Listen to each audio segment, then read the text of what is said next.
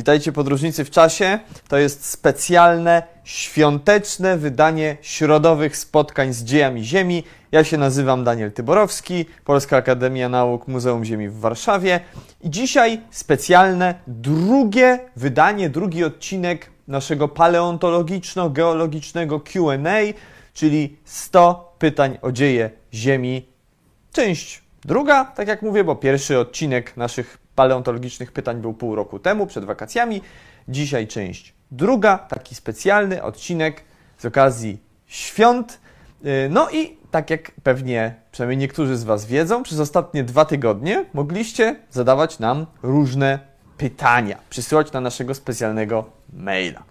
No i ja niedawno y, zasiadłem do tych pytań, powybierałem najciekawsze, dlatego mm, nie obraźcie się, jeśli akurat Wasze pytanie nie trafi do dzisiejszego opracowania, bo ja wybrałem pewną część tych pytań, które przychodziły. Wybrałem takie, które uznałem, że będą z, jakie, z jakichś tam względów najciekawsze. Oczywiście jest to mój taki subiektywny wybór, ale starałem się wybierać takie pytania, które będą dla Was, jako szeroko pojętej widowni, która jest naukami o Ziemi, geologią, ewolucją, paleontologią zaciekawiona, które będą najbardziej pożyteczne, które najwięcej odpowiedzi na te pytania najwięcej Wam dadzą tak naprawdę. Dlatego będzie trochę takich pytań bardziej technicznych o pracę paleontologa w terenie na przykład, czy w ogóle o to, jak wygląda praca paleontologów, geologów. I będą takie pytania może nie do końca oczywiste, do tego wrócimy sobie za chwilkę, ale oczywiście każdy, kto chce zadać mi pytanie, to cały czas może to robić na naszym czacie, bowiem jak przejdziemy sobie przez te pytania, które ja wybrałem e, z tych, które przysyłaliście, to oczywiście pogadam sobie z Wami chętnie e, i odpowiem na Wasze pytania, które zadajecie w tej chwili. Więc jeżeli ktoś nie, powiedzmy, nie został wybrany, jego pytanie nie trafi do prezentacji dzisiejszej, to proszę nie bądźcie na mnie źli, cały czas macie okazję zadać e, to pytanie na czacie, ja mm, będę mógł na nie ciągle odpowiedzieć. Po prostu wybrałem pewną pulę e, tych moim zdaniem najciekawszych, z których zrobiłem prezentację i od których sobie dzisiaj zaczniemy. E, I po tym wstępie myślę, że możemy zaczynać. Zachęcam cały czas, jeszcze raz powtarzam, do zadawania pytań na naszym czacie, a my lecimy z pytaniami, które zadawaliście. Lecimy ze stoma pytaniami o dzieje Ziemi. Pytanie numer jeden. Jakie były paleontologiczne dzieje wibrysów? Pytania zadawaliście bardzo różne. Jedne są bardziej, były takie bardziej o konkretne jakieś zwierzęta, inne, tak jak mówię, o jakieś aspekty techniczne pracy paleontologa, ale jest taka grupa pytań, y, która mnie zaskakuje i które wymagają ode mnie jakiegoś takiego szerszego y, zagłębienia się w temat. Są takie pytania, na które po prostu ja od tak nie jestem w stanie odpowiedzieć, tylko muszę zajrzeć głębiej do literatury. I pytanie o historię ewolucyjną wibrysów jest jednym z nich. E, wcale się nie zdziwię, jak ten, kto zadał to pytanie, mm, jest pewnie jakimś fanem e, dzisiejszych czworonogów, psów e, i kotów. Co to są te wibrysy w ogóle? Pewnie niektórzy z Was intuicyjnie wibrysy kojarzą. Może nie znają dokładnej definicji, ale wiedzą, gdzie są wibrysy, kto je posiada i do czego służą. Tutaj jako mm, przykładowego posiadacza wibrysów użyłem współczesną wydrę, wydra jest ssakiem i wibrysy generalnie kojarzą nam się ze ssakami. Psy, koty, myszy, szczury, mm, gryzonie inne. W tym wypadku e, właśnie taka też wydra, która jest e, ssakiem drapieżnym. Ma te wibrysy tutaj okazałe. To są takie wąsy czuciowe. Tak się potocznie mówi na to, że wibrysy to są wąsy. E, więc to są takie wąski czuciowe, które mm, są zlokalizowane na pysku. One wyrastają sobie gdzieś tu z okolic kości szczękowych, czyli tych budujących górną szczękę i pełnią funkcję takie właśnie czuciowe, czyli zwierzątko, taki ssak jest w stanie zorientować się w środowisku, zbadać poszczególne cechy tego środowiska właśnie za pomocą wibrysów. Dlatego, że te wąski czuciowe, takie wibrysy, są połączone ze specjalnymi kanalikami nerwowymi, które w tej górnej szczęce, w takich kościach szczękowych się znajdują, czy powiedzmy pod nimi. E, I jak zbadać historię wibrysów? No, wibrysy to są włosy, więc struktury organiczne, czyli takie, które już na pewno wiecie z moich wykładów, że w zapisie kopalnym raczej się nie zachowują. No i to jest duży problem. Y, oczywiście mamy czasami takie stanowiska, gdzie tkanki miękkie i jakieś delikatne elementy jak włosy mogą się zachować, ale to nie są często spotykane sytuacje. Więc generalnie nawet jeżeli mamy masę skamieniałości ssaków, to samych skamieniałości wibrysów, jako skamieniałych struktur, raczej nie będziemy mieć. E, więc musimy tutaj skorzystać z takich metod trochę pośrednich. I tak się składa, że jest taka e, praca całkiem, całkiem świeża, bo to jest 16 rok. No ktoś by mógł powiedzieć, że w nauce to już 4 lata to już jest kawał czasu, ale powiedzmy, że to jest relatywnie dla nas, z naszej perspektywy niedawno, e, która badała przodków ssaków, bo jak się pewnie domyślacie, y, no, wibrysy towarzyszą ssakom od początku ich dziejów i prawdopodobnie posiadali je również tacy nie ssaczy przodkowie prawdziwych ssaków, czyli gady ssakokształtne. Ssaki wywodzą się od gadów. Zresztą bardzo dużo pytań o gady ssakokształtne zadawaliście, więc ja też wiem mniej więcej, yy, jakiego rodzaju wykłady chcecie w przyszłości. E, więc na pewno do, do tych gadów ssakokształtnych sobie jeszcze będziemy wracać. I moi drodzy, tu mamy takie drzewo ewolucyjne, które pokazuje nam układ y, tych kanalików nerwowych stowarzyszonych właśnie z wibrysami. To jest to, co na tej planszy y, zaznaczone jest takim kolorkiem zielonym.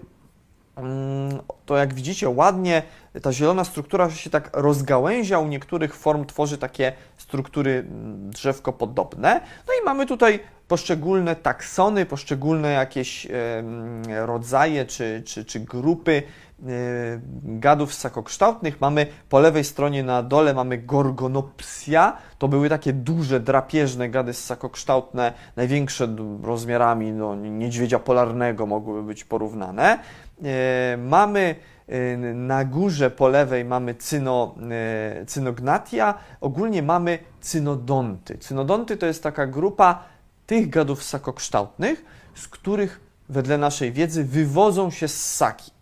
I cynodonty były, jak za chwilę zobaczycie, zwierzętami dość takimi już ssaki przypominającymi, mimo że formalnie jeszcze należą do gadów ssakokształtnych. Tutaj mówię, jest znowu problem w tym nazywnictwie. Mm, gady ssakokształtne to też nie jest do końca to, co rozumiemy przez gady po prostu, takie dzisiejsze, ale e, skupmy się na razie na tym, że to po prostu nie były ssaki.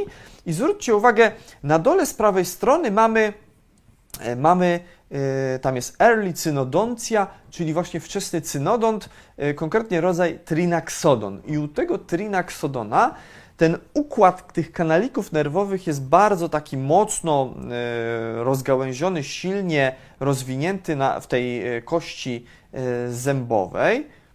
To wygląda mniej więcej tak. Tutaj mamy taki skan z tomografu komputerowego całej czaszki tego trinaxodona. Takie trinaxodony, kompletne szkielety były znajdowane w Afryce Południowej. To były takie niewielkie zwierzęta wielkością no może do jamnika tak by należało je porównać i to chyba maksymalnie, do jamnika może trochę mniejsze, jak takie małe pieski, kopały nory, e, je się w e, Republice Południowej Afryki znajduje kompletne szkielety tych trinaxodonów, trinaxodonów zachowane w takich kopalnych mm, norach, tunelach, które te zwierzęta kopały pod ziemią i często się tam znajduje kilka szkieletów obok siebie przytulonych. Widać, że te zwierzęta sobie gdzieś tam leżały jedno obok drugiego, tak zostały przynajmniej mm, no, no, zachowane, tak, tak yy, tutaj dokończyły swojego żywota.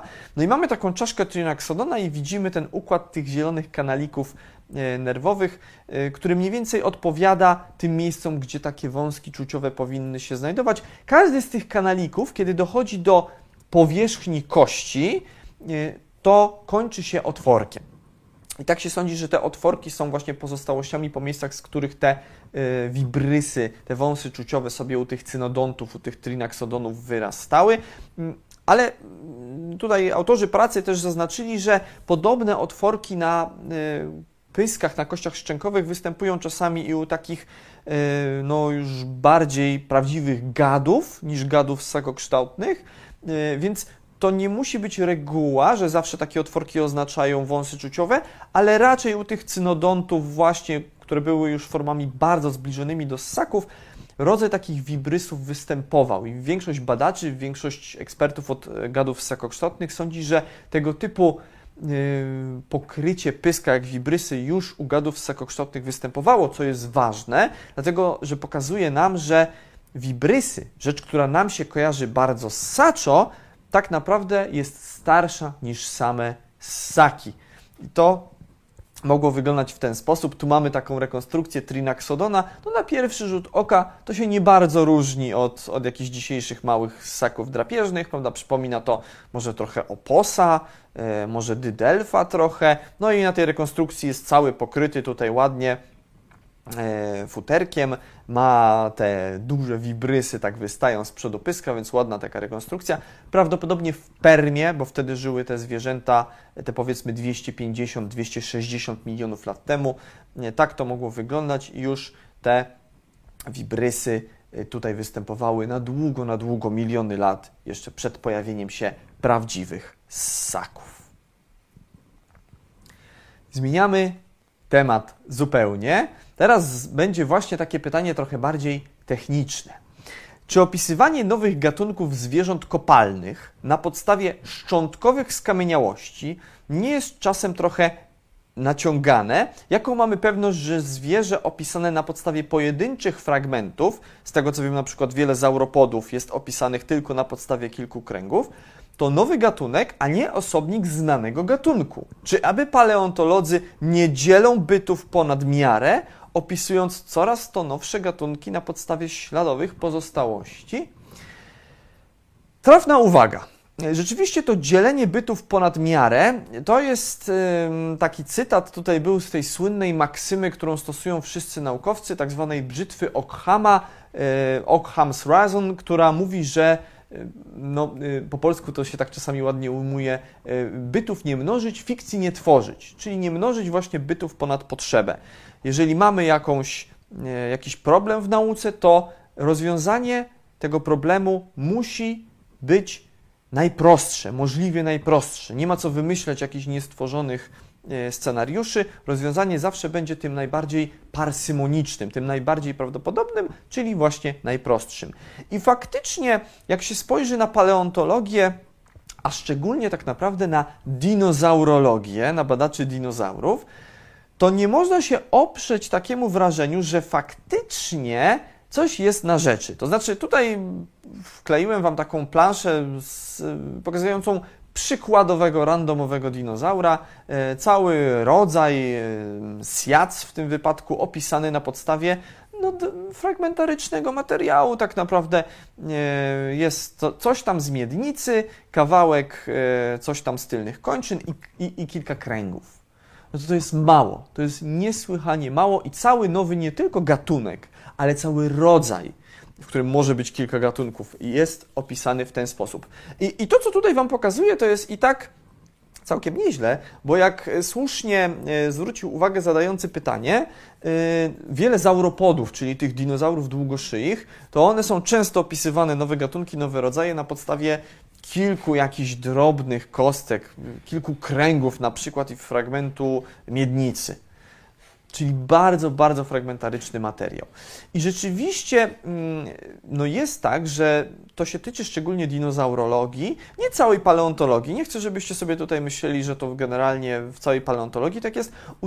W przypadku badaczy dinozaurów jakoś tak jest, że faktycznie tutaj e, łatwiej chyba uchodzą takie rzeczy, ale ten problem jest niezwykle ciekawy, bo on faktycznie uwidacznia E, pewną rzecz. Mianowicie, zwróćcie uwagę, jak odkopujemy jakieś fragmentaryczne szczątki, kilka kości, no to korci oczywiście każdego badacza, żeby to był koniecznie nowy gatunek albo nowy rodzaj.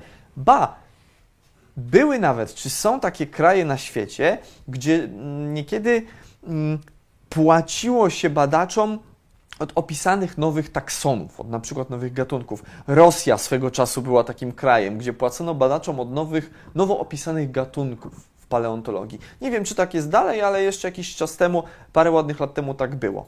No a przecież jeżeli znajdziemy w jednym miejscu fragmentaryczne szczątki jakiegoś dinozaura, yy, no i opisujemy je jako nowy gatunek, a w innym miejscu znajdziemy mm, inne fragmentaryczne szczątki innego dinozaura, ale Y, należącego pewnie do tej samej rodziny. One są w miarę podobne, ale są między nimi jakieś drobne różnice. Y, no to też opisujemy je jako inny gatunek.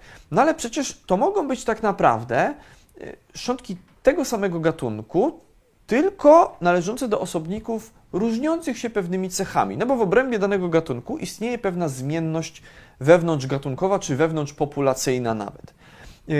Kolejna rzecz jest taka, że my możemy opisywać, i niektórzy badacze sądzą, że tak jest, że wiele na przykład dinozaurów, opisanych zupełnie innych rodzajów nawet, a nie gatunków, to są różne stadia rozwojowe jednego rodzaju, czy jednego gatunku. I to pokazuje ta plansza. Tutaj mamy trzy różne rodzaje dinozaurów, dinozaurów z takiej grupy pachycefalozaurów. To jest popularna grupa takich dinozaurów grubogłowych. Mamy małego Dracorexa, średniej wielkości Stygimolocha i takiego nieco większego e, pachycefalozaura. I są tacy badacze, one funkcjonują generalnie jako te trzy rodzaje, ale są tacy badacze, którzy twierdzą, że to, są, że to jest ten sam gatunek zwierzęcia, ten sam gatunek dinozaura, e, no, tylko że one różnią się rozmiarami, to po prostu jest, są to różne formy tego samego gatunku na różnych etapach rozwoju. Wiemy to też, że u ludzi takie zjawisko występuje. My w trakcie rośnięcia zmieniają nam się pewne cechy szkieletu.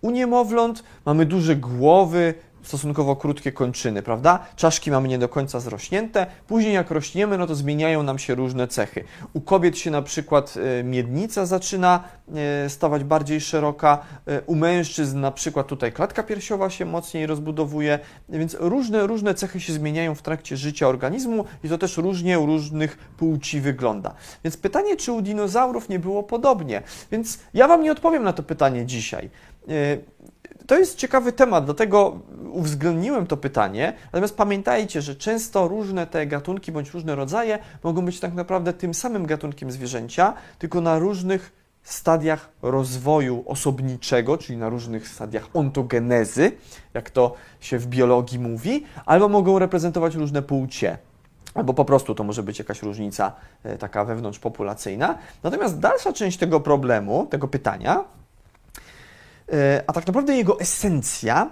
to jest podział paleontologów, podział w ogóle taksonomów, bo to się też może tyczyć w sumie i zoologów, botaników, e, takich biologów e, bardziej zajmujących się współczesnymi zwierzętami, chociaż myślę, że ze względu na swoją problematykę głównie tyczy się jednak paleontologów, to jest podział badaczy na dwie grupy. Pierwsza grupa paleontologów to są lampersi, a druga to są splittersi. Lumpers i splitters. Splitters, splittersi to są tacy, którzy właśnie będą, e, mając jakieś tam szkielety fragmentaryczne, będą z nich tworzyli różne gatunki, czy różne taksony generalnie. A lumpers to będą tacy, którzy nawet jeżeli będą różnice w tych różnych yy, szkieletach, to będą je zaliczali do jednej grupy, do jednego rodzaju albo jednego gatunku. Więc jest taki podział wśród paleontologów. Mało tego, ten podział jest dosyć płynny. To znaczy, można być takim można być oczywiście zawsze lampersem i zawsze e, tutaj klasyfikować wszystko, e, no, no, wszystko jak wszystko, wszystko w obrębie powiedzmy danej grupy szkieletów, które wyglądają w miarę podobnie, zawsze to klasyfikować jako jeden takson. Można być zawsze splittersem i taki splitters po prostu ze względu na swój sposób, powiedzmy tutaj traktowanie materiału paleontologicznego, będzie nawet szkielety, które są dosyć podobne, ale mają jakieś tam różnice, zawsze będą to dzielili na różne taksony, różne gatunki na przykład, ale można być też takim fluid lampersem czy fluid splittersem, czyli to zależy od okoliczności. W wypadku takich danych dany badacz będzie bardziej lampersem, a w wypadku jakiejś już innej grupy szkieletów czy innych w ogóle zwierząt może będzie bardziej e, splittersem, tak? Bo najpierw powiedziałem lampersem, to w wypadku tych innych splittersem. Więc jest taki podział badaczy,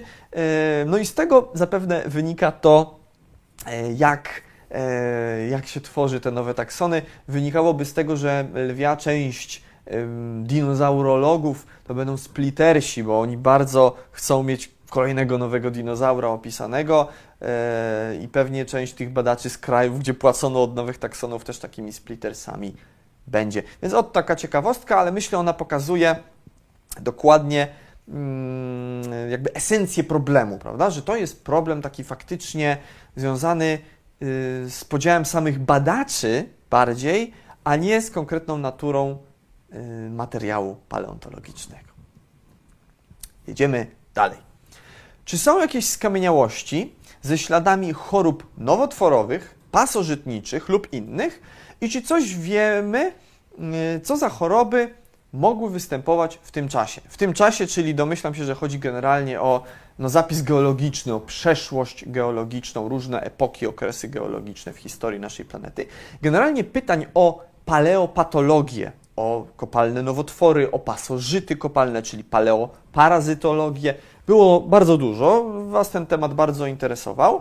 E, odpowiedź na to jest jedna, krótka i prosta. Oczywiście, że tak. No bo dlaczego miałoby być inaczej? Czemu pasożyty albo nowotwory y, miałyby powstać dopiero jakoś niedawno i tyczyć się żyjących dzisiaj organizmów? I to są rzeczy takie bardzo no, oczywiste, chciałoby się powiedzieć.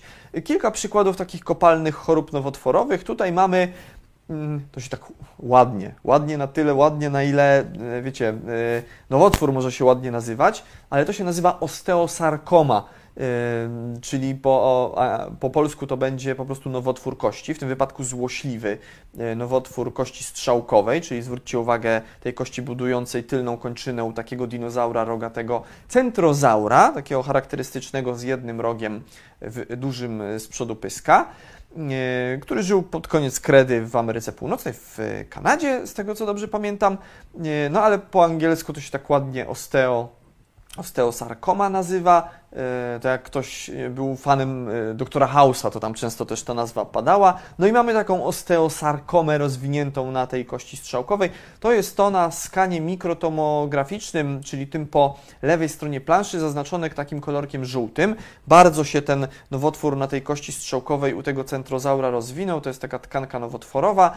E, po prawej stronie mamy przekroje przez tę kość i tu z kolei tę tkankę nowotworową mamy rozwiniętą e, w postaci tych takich białych kropeczek. To jest, e, to jest, ta, to jest ta taka E, na, na, tej, na, tej, górnej planszy, powiedzmy, tam się zaczyna w którymś momencie rozwijać e, taka, taka ta kość dotknięta nowotworem, więc generalnie tego typu paleopatologie to jest rzecz powszechna. To nie jest nic nadzwyczajnego, słuchajcie, to, że dinozaury czy jakiekolwiek inne kopalne zwierzęta cierpiały na choroby, e, więc nie traktujcie tego tak, jakby to było coś jakiegoś nie wiadomo, nie wiadomo jakiego.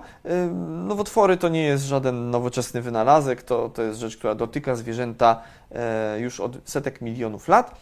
Drugi ciekawy przykład to jest taki nowotwór tutaj pyska, rozwinięty u dinozaura również z końca kredy, y, y, u dinozaura z rodzaju Telmatosaurus. Ci z Was, którzy mają dobrą pamięć, to na pewno pamiętają wykład o wyspie Hatek, wyspie karłowatych dinozaurów. Ja tam opowiadałem o telmatozaurach. To były takie karłowate dinozaury ptasio-miedniczne. No i tutaj właśnie w basenie Hatek znaleziono taką żuchwę tego telmatozaura dotkniętą nowotworem. To wygląda tak na skanach znowu tomograficznych, czyli zwróćcie uwagę, no, w zasadzie badano te, e, te, te żuchwę tak, jak się pacjenta w szpitalu mm, bada, czyli po prostu brano go, dano te szczątki do tomografu komputerowego i no, tak jak właśnie, nie wiem, w Hausie czy, czy, czy czy gdzieś, nie wiem, w Grey's Anatomy, czy, czy po prostu w prawdziwym życiu się tego pacjenta skanuje. I w tym wypadku tego telmatozaura to był nowotwór, już nie ta osteosarkoma, ale e, taki nowotwór, e, to się szkliwiak nazywa tak trochę złowieszczo, to jest nowotwór listewki zębowej. I to powoduje tu tworzenie się takiego guza właśnie w okolicach żuchwy. No i ten biedny telmatozaur sobie żył z takim guzem, hasał sobie tutaj gdzieś po w okolicach, e, no niedaleko nas, bo Rumunii pod koniec kredy. Więc generalnie paleopatologie się jak najbardziej zdarzają, to jest częsta sprawa. Dużo ciekawszym zagadnieniem są, jest moim zdaniem paleo parazytologia, czyli kopalne pasożyty. To jest dużo ciekawiej się robi, e, bo to, tu już mamy nie jakąś po prostu zwykłą chorobę, ale no, pasożytnictwo to jest interakcja międzygatunkowa, to jest taka interakcja ekologiczna, czyli musimy mieć dwoje. Do tanga trzeba dwojga i do pasożytnictwa też trzeba dwojga, czyli musi być host, musi być ten nosiciel, powiedzmy, ten, który będzie ulegał pasożytnictwu, no i musi być ten nasz pasożyt, ten, kto będzie pasożytował na naszym hoście. E, I takich przykładów też jest wiele z zapisu kopalnego. Myślę, że to jest ciekawy temat, żeby w ogóle cały wykład e, poświęcić na tą paleoparazytologię. Ja przygotowałem dwa. E, pierwszy, świeżynka z tego roku. To są skamieniałości, to co tutaj widzicie, z początków naszego eonu fanerozoicznego, z początków Kambru, z jednego z takich złóż skamieniałości w Chinach w prowincji Yunnan. E, niedaleko takiego słynnego stanowiska w Chengjiang, o którym też kiedyś Wam opowiadałem. E, zresztą bardzo podobne warunki, tak zwane warunki typu barges, to ci, którzy się Cambrem interesują, to na pewno kojarzą. E, I tam, czyli, czyli same początki naszego eonu, te 500 powiedzmy 40, 530 milionów lat temu, czyli zaraz, zaraz, no w zasadzie w trakcie jeszcze eksplozji kambrejskiej. I tam mamy perfekcyjnie zachowane skamieniałości ramienionogów. Co to są ramienionogi? To też Wam masę razy opowiadałem, często żeśmy się wracali do tych ramienionogów. To były takie zwierzęta, tylko dla przypomnienia, przypominające małże. Miały dwie skorupki, tylko że z małżami zbyt blisko spokrewnione nie były i nie są, bo ramienionogi dotrwały do dzisiaj, chociaż dziś są grupą reliktową. One przez małże w czasie ery dinozaurów zostały wyparte z większości niż ekologicznych, ale wcześniej w erze paleozoicznej to była jedna z głównych, dominujących grup bezkręgowców e, morskich, takich morskich filtratorów. One podobnie jak małże miały dwie skorupki yy, i żyły sobie na dnie morza, filtrowały tam yy, stoni wodnej odżywcze nutrienty. I mamy takie właśnie płyty z Chin, z Yunanu, pokryte tymi ramienionogami. To są niewielkie skamieniałości, one mają kilka milimetrów, e, takie okrągłe skorupeczki. I teraz na niektórych z nich, na niektórych z tych skorupek są takie podłużne, jakieś rurkowate twory. Tutaj to najlepiej widać na tej planszy pod literką B, C i E. Pod C, czyli w samym środku planszy, tam jest bardzo dużo takich rureczek. E, pod E są takie rureczki w tej skorupce ramienionoga z lewej strony. E, pod B z kolei z prawej dwie takie chyba rureczki. Co to są te rureczki? To są twory mineralne. To jest jakaś rurka pozostawiona właśnie przez jakiegoś pasożyta, przez wiele pasożytów, które się wiercały w muszle, w skorupkę takiego ramienionoga, no i coś mu tam robiły. Skąd wiemy, że to były w ogóle pasożyty? Bo może tutaj zajść takie podejrzenie, że to może wcale nie były pasożyty, tylko może to była jakaś symbioza, coś tam żyło sobie w obrębie muszli takiego ramienionoga, mm, ale, ale w sumie no nie robiło mu szkody, prawda? Tylko była jakaś relacja symbiotyczna, ale raczej to były pasożyty. Wiemy to stąd, e, że w tej pracy Zang i, Zanga i innych oni opisują, że te skorupki ramienionogów, które posiadają te rureczki w sobie, są o e, pewien procent mniejsze niż te skorupki ramienionogów, które tych rureczek nie posiadały. Czyli ewidentnie te ramienionogi, które miały w sobie takiego pasażera na gapę albo kilku w postaci tych rureczek, im się gorzej rosło. Kiedy nie miały tych rureczek, mogły sobie rosnąć, osiągać większe rozmiary. Jak miały te rureczki, to ciężej im się rosło, nigdy nie dożywały, powiedzmy, do. Znaczy, ile żyły dokładnie, to pewnie tego nie wiemy, ale generalnie osiągały mniejsze rozmiary, gorzej im się żyło. No i mamy tutaj taką rekonstrukcję przyżyciową e, z tejże pracy, pokazującą, co to dokładnie było. Otóż prawdopodobnie to były jakieś takie robakokształtne pasożyty, które żyły w mineralnych takich rureczkach, zagnieżdżały się zapewne jeszcze na etapie larwalnym w skorupkę takiego ramienionoga, i zwróćcie uwagę, ramienionóg jak ma krawędź skorupki, no to z tej skorupki wystaje mu, wystają mu takie rzę, rzęski, tam się znajdował ten lofofor. O lofoforach też wiem, że lubicie to słowo, tam często, często wspominam i one sobie tym lofoforem filtrowały jakieś substancje odżywcze stoni wodnej, ale te rureczki, one też były ustawione ujściem takiego robaczka przy ujściu skorupki ramienionoga. Czyli co robił taki pasożyt? Ten pasożyt podbierał pokarm ramienionogowi a im więcej było takich pasożytniczych rureczek, tym więcej pokarmu te robakokształtne, tajemnicze zwierzęta, prawdopodobnie zwierzęta, no ra, raczej zwierzęta, podbierały takiemu ramienionogowi. Dlatego ten ramienionóg rósł wolniej, był mniejszy. I od cała sprawa. Ale ciekawa rzecz. Zobaczcie, nawet w takich małych skamieniałościach można znaleźć jakieś ciekawe relacje no, między dwoma zwierzętami, które żyły ponad pół miliarda lat temu. Więc to taka świeżynka. Yy, trochę fujka, trochę fujka. Większość pasożytów to są generalnie takie właśnie zwierzęta mało takie przyjazne dla oka, tak mi się wydaje. Drugi przykład to taki, z, wiecie, że ja lubię takie rzeczy z polskiego podwórka wybierać Wam, więc wybrałem od nas yy, polskie badania na pasożytach, które sobie mm, korzystały z hostów, którymi były stromatoporoidy. Co to tak naprawdę były stromatoporoidy, to tak do końca nie wiadomo. Badacze się ciągle kłócą o to, ale myślę, że większość jednak jest e, za opcją, że to były jakieś gąbki kopalne. E, I te gąbki, e, one były w erze paleozoicznej szczególnie powszechne. W górach świętokrzyskich tworzyły w Dewonie E, rafy, zresztą w tamtym czasie w ogóle tworzyły olbrzymie rafy, które się od Australii aż tutaj do Europy ciągnęły. Mm, często ze stromatoporoidów, z takich wapieni właśnie dewońskich, w których są stromatoporoidy, robi się takie płytki którymi się wykłada jakieś budynki użyteczności publicznej. Jak sobie oglądacie obrady Sejmu w telewizji, to tam cała ta sala e, obrad w środku jest wyłożona właśnie takimi wapieniami dewońskimi, w których czasem takie duże, ładne stromatoporoidy, te rafy dewońskie widać, więc pamiętajcie, że jak Sejm to no to, no to generalnie w środku Devon i, i gąbki. Ja zawsze jak tam sobie czasami oglądam, to patrzę z tyłu e, za, za tu ministrem takim czy innym. Piękna, o, piękna gąbka, piękny stromatoporoid, taki duży, ładny, kurczę. Chciałoby się go zbadać. To mnie dużo bardziej interesuje niż to, co oni tam gadają.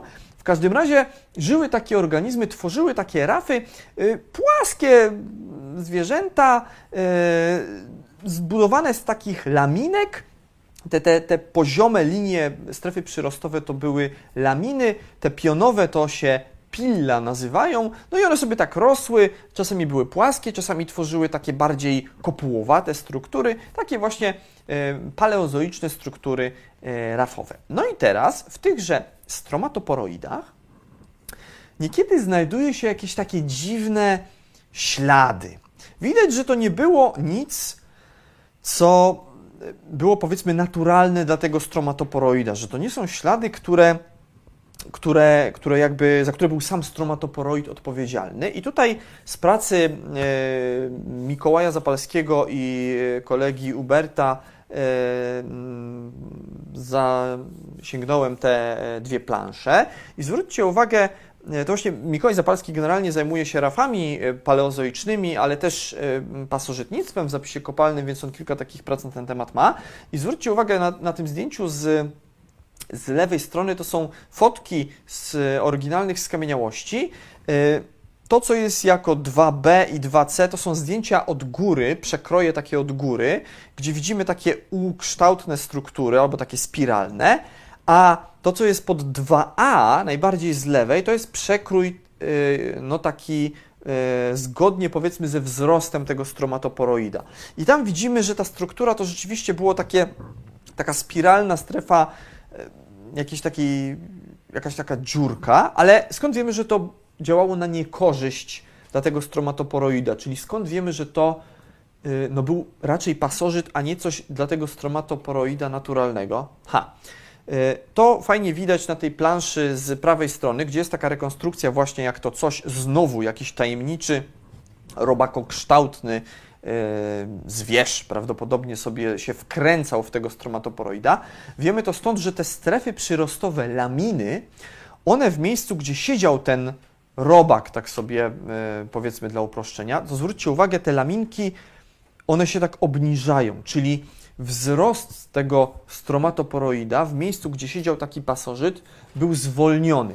Wszędzie dookoła normalnie sobie te laminki przyrastały po bożemu jak należy, ale tam, gdzie siedział e, ten jegomość, e, pasażer Negapę, no to tam ta strefa wzrostu była spowolniona, czyli to robiło krzywdę temu, tej gąbce, temu stromatoporoidowi. Kto to był, do końca nie wiemy, jakiś tajemniczy pasożyt. Tutaj się akurat nie zachowały żadne zmineralizowane części, które mm, by były jakąś formą rurki, tylko są po prostu takie dziury, pozostałości po tym kimś. No ale to musiało być raczej jakieś robakowate zwierzątko. Więc to chciałem Wam pokazać, że te pasożyty to również jest rzecz e, powszechna w zapisie kopalnym, Akurat użyłem dwóch takich e, przykładów z jakimiś robakowatymi pasożytami, ale wiecie, większość pasożytów to są tak naprawdę proste organizmy o dosyć uproszczonej anatomii, uproszczonej budowie, takie nawet jak dzisiaj, jak tasiemce, czy jakieś glizdy ludzkie, prawda? No także fujka, e, ale myślę, że ciekawy temat do, do pociągnięcia dalej po nowym roku, myślę, w całym wykładzie o e, paleoparazytologii. E, gdzie pewnie postaram się Wam przybliżyć jakieś bardziej spektakularne przykłady, a takie są, tylko z oczywistych względów dzisiaj ich specjalnie nie użyłem, żeby one poszły na ten wykład o kopalnych pasożytach. Dajcie znać, co o tym w ogóle sądzicie. Zmieniamy temat diametralnie. Kolejne pytanie. Czy w Górnej Kredzie istniał pomost lądowy między Ameryką Północną a Azją, skoro na obu kontynentach żyły te same grupy dinozaurów jak hadrozaury, ceratopsy, tyranozaury i dromeozaury. E, gdybym był stratygrafem i gdybym był takim ortodoksyjnym, e, no ortodoksem, powiedzmy, paleontologiem ortodoksem, to bym się przyczepił, że jest w górnej kredzie, a nie w późnej, e, ale, ale oczywiście no to jest, tak jak Wam już kiedyś wspominałem, ta różnica górna, późna, e, to jest w gruncie rzeczy wymyślone po to, żeby łapać niesfornych studentów na kolokwiach i żeby mieć się do czego przyczepić. Tak czy inaczej, pod koniec kredy Faktycznie taki pomost był. Tutaj mamy mapkę paleogeograficzną z końca kredy, widzimy 94 miliony lat temu, no to powiedzmy jest początek późnej kredy. E, tak jak pamiętacie, kreda dzieli się tylko na wczesną i późną, więc tu mamy początek późnej, ale to tak jakby wziąć kredę, e, rozciągnąć ją tak na miliony lat, to to mniej więcej wypadnie gdzieś w środku okresu kredowego. No i mamy zaznaczone na górze Asian Alaskan Land Bridge, czyli rzeczywiście był przesmyk między Alaską a północno-wschodnią Azją. Zresztą taki przesmyk tam, gdzie dzisiaj jest, gdzie jest Morze Beringa, tam się często przesmyk lądowy tworzył. Yy, nawet w trakcie zlodowaceń ostatnich ten, tę część yy, właśnie świata, ten przesmyk nazwa, nazywa się Beringią. Tu w erze mezozoicznej to raczej takiej konkretnej nazwy nie ma ta Beringia to jest raczej nazwa stosowana wyłącznie dla tutaj okresu zlodowaceń, ale tak w erze dinozaurów w okresie kredowym taki przesmyk istniał i faktycznie te zwierzęta, które e, no, narodziły się w Azji, mogły sobie migrować do Ameryki Północnej. I większość grup dinozaurów, które kojarzycie z Ameryką mm, Północną, jak e, właśnie tyranozaury, jak hadrozaury, czyli dinozaury kaczodziobe, jak ceratopsy, czyli dinozaury rogate, one się wywodzą z Azji. To są, to, to są linie, które pierwotnie wyewoluowały na kontynencie azjatyckim czy, eurazjatyckim, czy eurazjatyckim powiedzmy. Z Chin, z Mongolii, stamtąd są znane te powiedzmy najstarsze formy dinozaurów rogatych, czy, czy, czy, czy, czy E, czy podobnych i one potem sobie migrowały na kontynent północnoamerykański. Dromeozaury też wspomniane, prawda? Pamiętacie velociraptory? No to są zwierzęta, które są znane z Chin i z Mongolii, a później e, no ich kuzyni e, gdzieś tam wyemigrowali sobie do Ameryki Północnej, chociaż pewnie ta droga działała w obie strony i fauny z Ameryki Północnej też mogły i do Azji czy do Eurazji sobie migrować. W każdym razie tak, taki przesmyk istniał i on tutaj jest ładnie na mapce pokazany. E, te kontynenty były bardzo blisko siebie wtedy w tej strefie arktycznej, gdzieś tam się ze sobą Alaska z, z powiedzmy północno-wschodnią Rosją, tam gdzie dzisiaj Kamczatka, dajmy na to, gdzieś to się ze sobą stykało. Przechodzimy do tematów konodontowych. Teraz będą dwa pytania o konodonty. Pytania, które mnie znowu, szczególnie to pierwsze, to jest pytanie z cyklu takich no, zaskakujących, bardzo takich działających na myślenie. Czy konodonty mogły się żywić w podobny sposób co rekiny foremkowe? To znaczy wgryzać się w ciało i wyrywać kawałki mięsa. E, dlaczego to pytanie jest, mm, jest e, fajne? Dlaczego mi się bardzo spodobało? Otóż e, dlatego, że to jest pytanie, które ono się tyczy, ono fajnie pokazuje, jak działa ewolucja, to znaczy odpowiedź na to pytanie. Bo odpowiedź, mm, może tak, do odpowiedzi sobie przejdziemy za chwilę. Najpierw sobie zobaczmy tego rekina foremkowego. Co to jest? To się tak fajnie po angielsku nazywa, że to jest cookie cutter shark czyli jakby rekin wycinacz ciasteczek, po polsku rekin foremkowy, bo on faktycznie ze względu na kształt swojego aparatu gębowego wycina, wyrywa takie kawałki mięsa w kształcie no, takie, no, takiego koła, foremki czy właśnie ciasteczka, cookie cutter dlatego. E, I tu widzimy taki ślad po tym rekinie foremkowym na grzbiecie delfina, no i mamy tego rekina foremkowego. To jest zwierzę nieduże, nieduży rekinek, to nie jest jakiś spektakularny e, drapieżnik. E, I on zwróćcie uwagę na jego zęby. Je tutaj ładnie widać, za chwilę jeszcze w powiększeniu zobaczymy. To są zęby spore, całkiem duże zęby jak na takiego niewielkiego, mm, kilkudziesięciocentymetrowego rekinka. One są szerokie, mają szerokie korony i są bardzo trójkątne i symetryczne. Czyli szerokie, takie rozbudowane zęby, dobre właśnie do wgryzania się w ofiarę. A teraz sobie przypomnijmy aparat gębowy konodontów. Konodonta mamy tutaj po prawej stronie, po lewej mamy y, dzisiejszego minoga.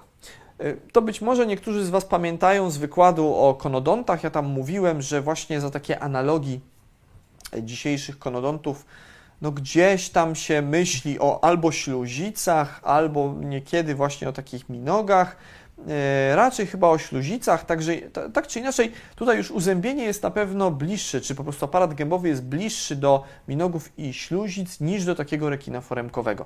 E, konodonty mamy, jak widzimy, e, one miały uzębienie, uzębienie znowu, to nie były takie prawdziwe zęby, ale ten aparat gębowy zbudowany raczej przynajmniej z przodu pyska z takich ząbków delikatnych.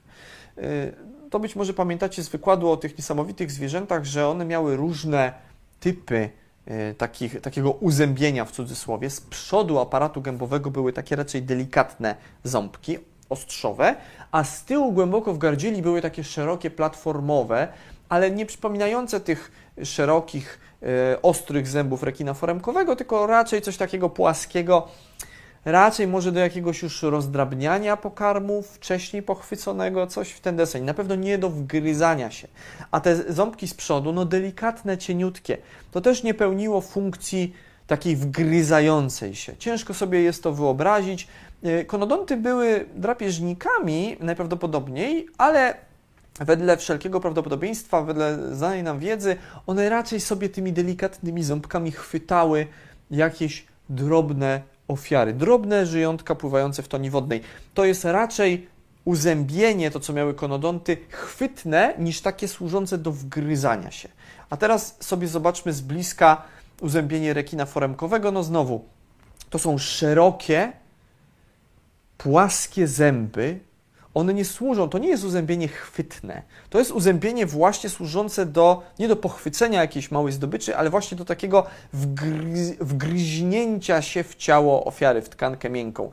Więc to na pewno e, takiej funkcji jak konodon, u konodontów nie pełniło, e, ale mm, no tutaj jakby e, to jest ciekawe, dlatego że zobaczcie, jakimi ciekawymi drogami biegnie ewolucja, prawda? U konodontów raczej to uzębienie poszło w stronę czegoś takiego, co mają śluzice, czyli delikatnych, długich ząbków, e, a u rekina foremkowego raczej w taką formę tych płaskich zębów do wgryzania się, więc tutaj nie ma tej ewolucji zbieżnej, nie ma konwergencji między tymi, e, tymi formami, chociaż być może wyobraźnia tutaj no, tak kierowałaby nas w tę stronę, prawda? Ale raczej tutaj porównanie e, porównanie jest, jest e, nie, nietrafione i to ewolucja pobiegła sobie innymi ścieżkami, mimo że tak zewnętrznie taki rekin foremkowy może niektóre konodonty przypominać, ale, ale tutaj jak widzimy, że tej ewolucji konwergentnej nie ma.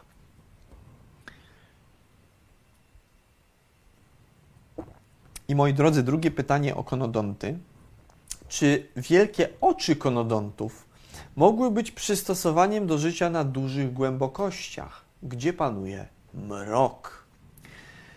Pytanie słusznie postawione w sumie, no bo konodonty duże oczy miały. To jest fakt. To pewnie też kojarzycie. Mm, pokazywałem Wam kiedyś mm, skamieniałości kompletnych zwierząt konodontowych czy kompletnych całego konodonta jako zwierzaka.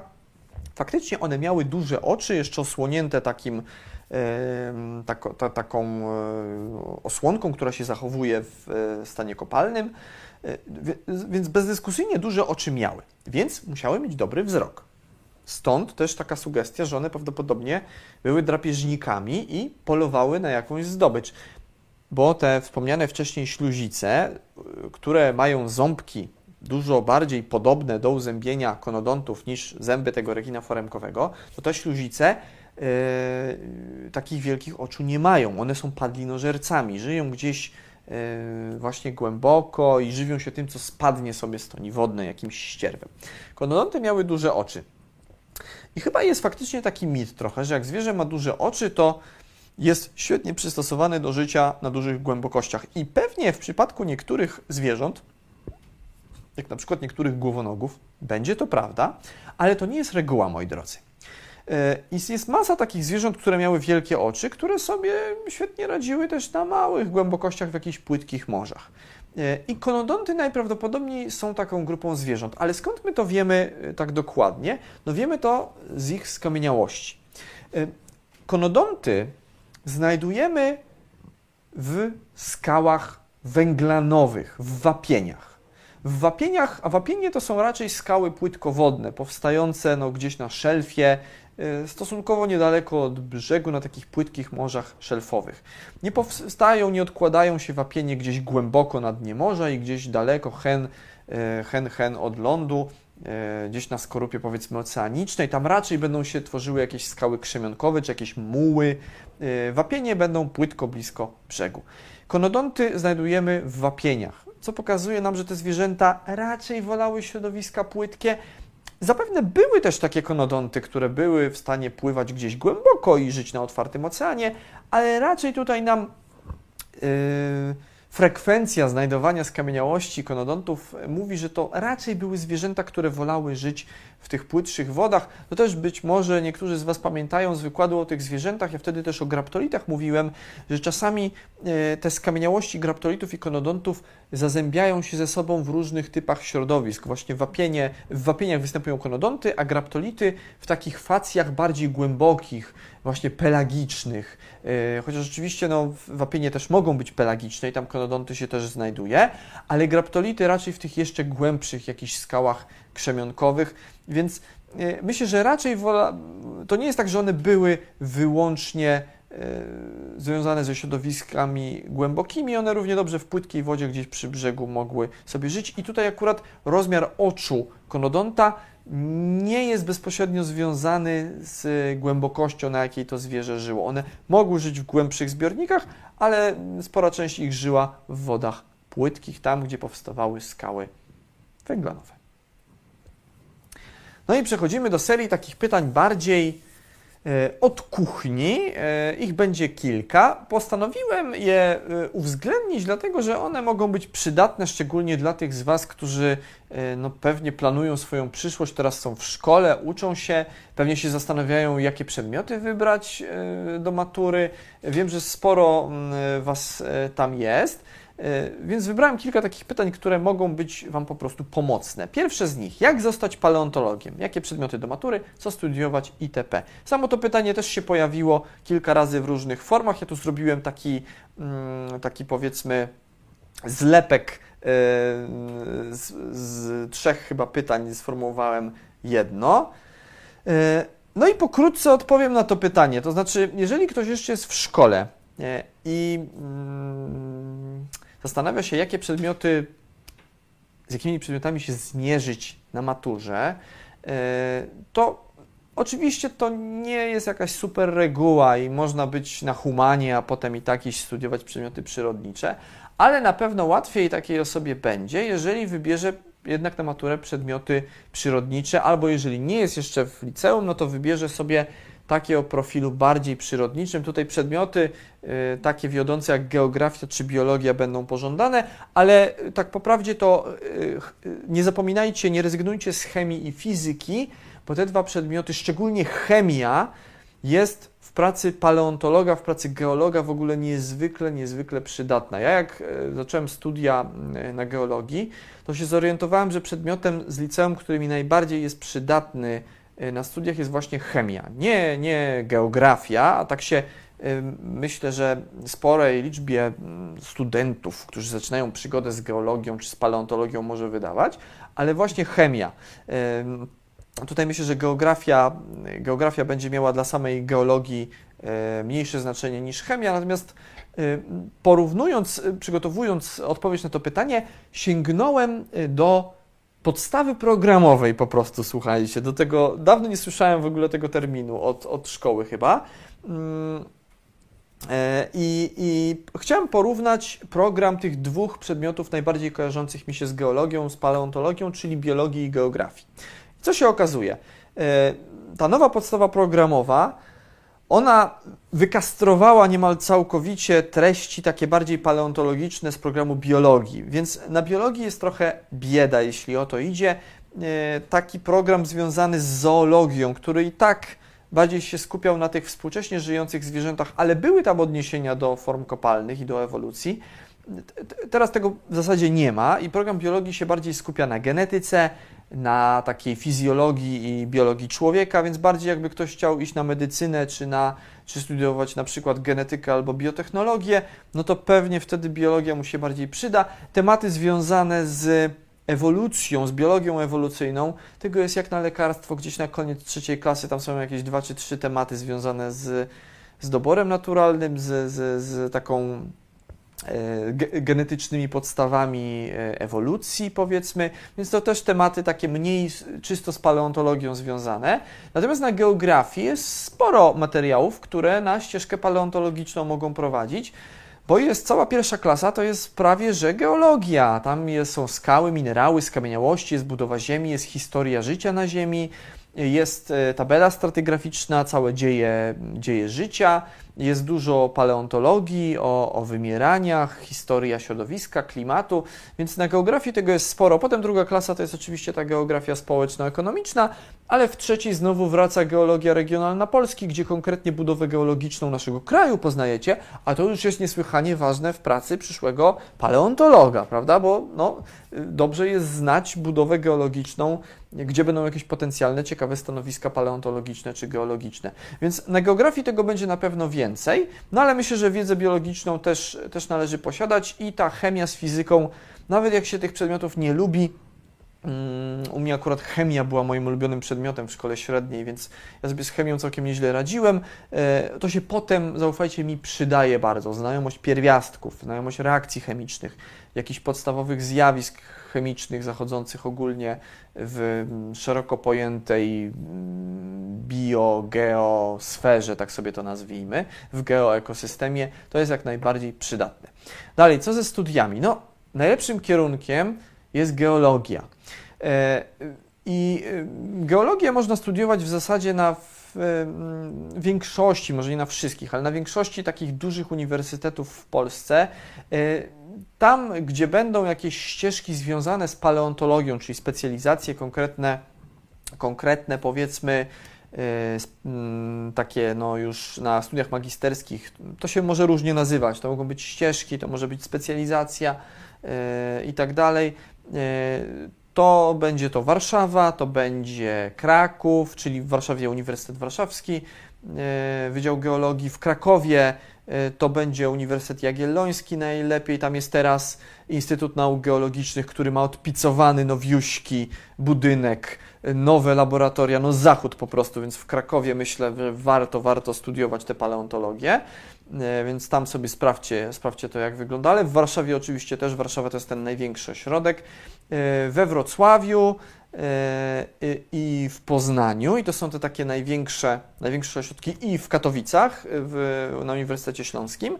E, no i najlepiej wybrać taką specjalizację właśnie związaną, ona się może różnie nazywać. Ja tutaj wypisałem wypisałem e, to, takie najczęściej stosowane nazwy. To może być paleontologia, to może być paleozoologia, paleobiologia, stratygrafia czy geologia stratygraficzno-poszukiwawcza, czy geologia poszukiwawcza. To do tego też za moment wrócimy. E, zresztą to jest też tak, że te nazwy tych specjalności się zmieniają z czasem i jeszcze jak ja studiowałem na UW, to jeszcze była cała specjalizacja, która się nazywała paleontologia. Teraz już specjalizacji paleontologia nie ma, tylko jest chyba stratygrafia i paleontologia, albo paleontologia i stratygrafia, więc to jest płynne. E, to już musicie sobie posprawdzać na stronach konkretnych uniwersytetów, ale to mniej więcej będzie w ten sposób wyglądało, więc tak, tak myślę, myślę, że e, tak powinniście tutaj sobie to mm, pokierować pokierować tą, tą ścieżką, się skupić na tych przedmiotach. No i mówię, geografia, biologia, z chemii absolutnie nie rezygnować, bo nawet jak się tego nie lubi, to to się potem, to potem wraca, moi drodzy. I nawet jak już jesteście takim paleontologiem, paleontologiem, e, to narzędzia, które stosuje paleontolog, czy paleobiolog szczególnie, to będą narzędzia stosowane w chemii, tak jak badania izotopowe to w ogóle metodologia nauk o Ziemi bardzo mocno romansuje z chemią, z naukami chemicznymi, metody geochemiczne, metody izotopowe, w paleontologii kręgowców na przykład metoda kolagenowa, no to wszystko, to, to trzeba mieć ten warsztat chemiczny opanowany, oczywiście my współpracujemy z chemikami czy z geochemikami, no ale nie oszukujmy się, dobrze jest, żeby ten paleontolog czy paleobiolog też sam jakąś wiedzę o tych o tych, o tych e, powiedzmy dziedzinach miał. Ja Wam już dawno temu obiecałem cały wykład o metodach e, geochemicznych w paleontologii e, i, i myślę, że kto wie, czy to nie będzie pierwszy wykład po, po nowym roku, na którym się spotkamy, bo to już jest taki wykład, który Wam obiecałem ho, ho, ho dawno, dawno temu, więc myślę, że czas najwyższy się z tych obietnic Wam złożonych teraz tutaj sprawozdać i powoli robić te wykłady, które Wam dawno temu obiecywałem i nigdy do nich nie doszło. Więc, więc myślę, że zachęcę Was do zaznajomienia się z tą y, chemią w paleontologii właśnie, właśnie po nowym roku. I kolejne pytanie, które trochę jest przedłużeniem tego, mm, tego co tego pytania, które było przed chwilą, czyli co Pan sądzi o kierunku geologia poszukiwawcza na UW? Powiem tak, ja tego kierunku nie kończyłem, bo kiedy ja studiowałem na Uniwersytecie Warszawskim na Wydziale Geologii, był tylko jeden kierunek. Był kierunek geologia. I jak się było na kierunku geologia, to się potem wybierało specjalizację. Była wtedy, tak jak powiedziałem, specjalizacja paleontologia, no i okej, okay, prosta sprawa. Teraz z tego, co widziałem, to to się tam bardzo pogmatwało i e, wiecie, uniwersytety muszą kombinować jak mogą i tylko zmieniać co chwilę, dodawać jakieś nowe przedmioty, nowe kierunki, wymyślać, wymyślać, no bo za to są pieniądze oczywiście, więc no, sami rozumiecie e, się wymyśla jakieś nowe, niestworzone kierunki. No i teraz z tego co wiem na UW jest i geologia poszukiwawcza i geologia inżynierska, chyba tak to się nazywa, czy stosowana. E, geologia poszukiwawcza to jest ten kierunek, który, który właśnie wiąże się z taką jak ja to mówię, geologią, geologią i tam jest paleontologia też. E, I, i, i no, z racji, że sam tego kierunku nie kończyłem, bo go jeszcze wtedy nie było, kiedy ja kończyłem studia, e, ale z tego, co sprawdzałem e, na stronach Wydziału Geologii, no to z grubsza to odwzorowuje ten program, który, który był jeszcze za, jak to się mówi brzydko, moich czasów. I tam jest ta ścieżka taka paleontologiczna czy paleontologiczno-stratygraficzna, i tam są te wszystkie przedmioty, które E, każdy szanujący się paleontolog powinien e, no, zdać czy, czy chodzić na nie, czyli paleozoologia bez kręgowców, i paleozoologia kręgowców, i paleobotanika, i paleobiologia, i paleoekologia, i paleogeografia i tak dalej, i tak dalej. To wszystko tam, e, tam znajdziecie. No, Wydział Geologii to macie na zdjęciu, obok jest jak to mówią studenci Wydziału Geologii, wielki al postawiony, czyli rekonstrukcja allozaura, e, którego tropy w Górach Świętokrzyskich e, znaleziono i tam Jura Park e, w Bałtowie, Stowarzyszenie Delta pożyczyło taką rekonstrukcję tegoż allozaura i on sobie stoi u zbiegu ulic Żwirki, Wigury i Banacha naprzeciwko pola Mokotowskiego właśnie koło Wydziału Geologii. Więc, e, no i z tego co wiem, to jest, to jest tutaj najlepsza e, geologia w Polsce. E, tak kojarzy mi się, że te geologie to się tak chyba zmieniają z roku na rok, jak są te rankingi różnych uczelni, to raz jest, raz jest ta geologia na UW najlepsza, a, a a drugim razem na ujocie, potem znowu na UW i potem znowu na ujocie. Więc wiecie, ostatecznie to się pewnie sprowadza do tego, gdzie mieszkacie. Jeżeli no, jest Wam po drodze do Warszawy, no to myślę, że Warszawa będzie najlepszym e, tutaj e, ośrodkiem. Jeżeli macie bliżej do Krakowa, no to myślę, że Kraków będzie pożądany, szczególnie jak mówię, że, że Instytut Nauk Geologicznych UJ ma teraz ten nowiusieńki e, budynek, świetne nowe laboratoria i to po prostu korci, wiecie, no, no, no, no pachnie prestiżem i zachodem. I, i, i, wygląda jak taki rarytas, więc tam, tam warto też, warto, warto też e, myślę, się nad tym zastanowić. E, zresztą wiem, że studenci UJ też oglądają nasze środowe spotkania, więc jeśli są na czacie, to mogą nawet napisać, jakim się studiuje w tych warunkach. W ogóle studenci różnych e, geologii czy paleontologii z różnych miast, jeśli są, to, to niech napiszą na czacie, jakie są dobre, najlepsze punkty na ich, na ich wydziałach, na, w ich miastach, na ich kierunkach. E, zobaczymy tutaj, użyczymy czatu dla promocji e, edukacji geologicznej w Polsce. Zobaczymy, może, może, może coś nas zaskoczy i coś zwróci Waszą uwagę konkretnie. Dobrze, wracamy do omawiania zwierzaczków, moi drodzy. Ja wezmę łyka wody, bo się e, wysuszyłem. Kolejne pytanie, które się pojawiało kilka razy w różnych formach. Ja skorzystałem z jednego, takiego chyba najdłuższego. Obecnie mamy stekowce, torbacze i łożyskowce. Czy w przeszłości e, było ich więcej? Czy wspólny przodek wszystkich łożyskowców był torbaczem, czy wspólny przodek torbaczy i łożyskowców był stekowcem, a może to niezależne od nogi wywodzące się od jeszcze czegoś innego.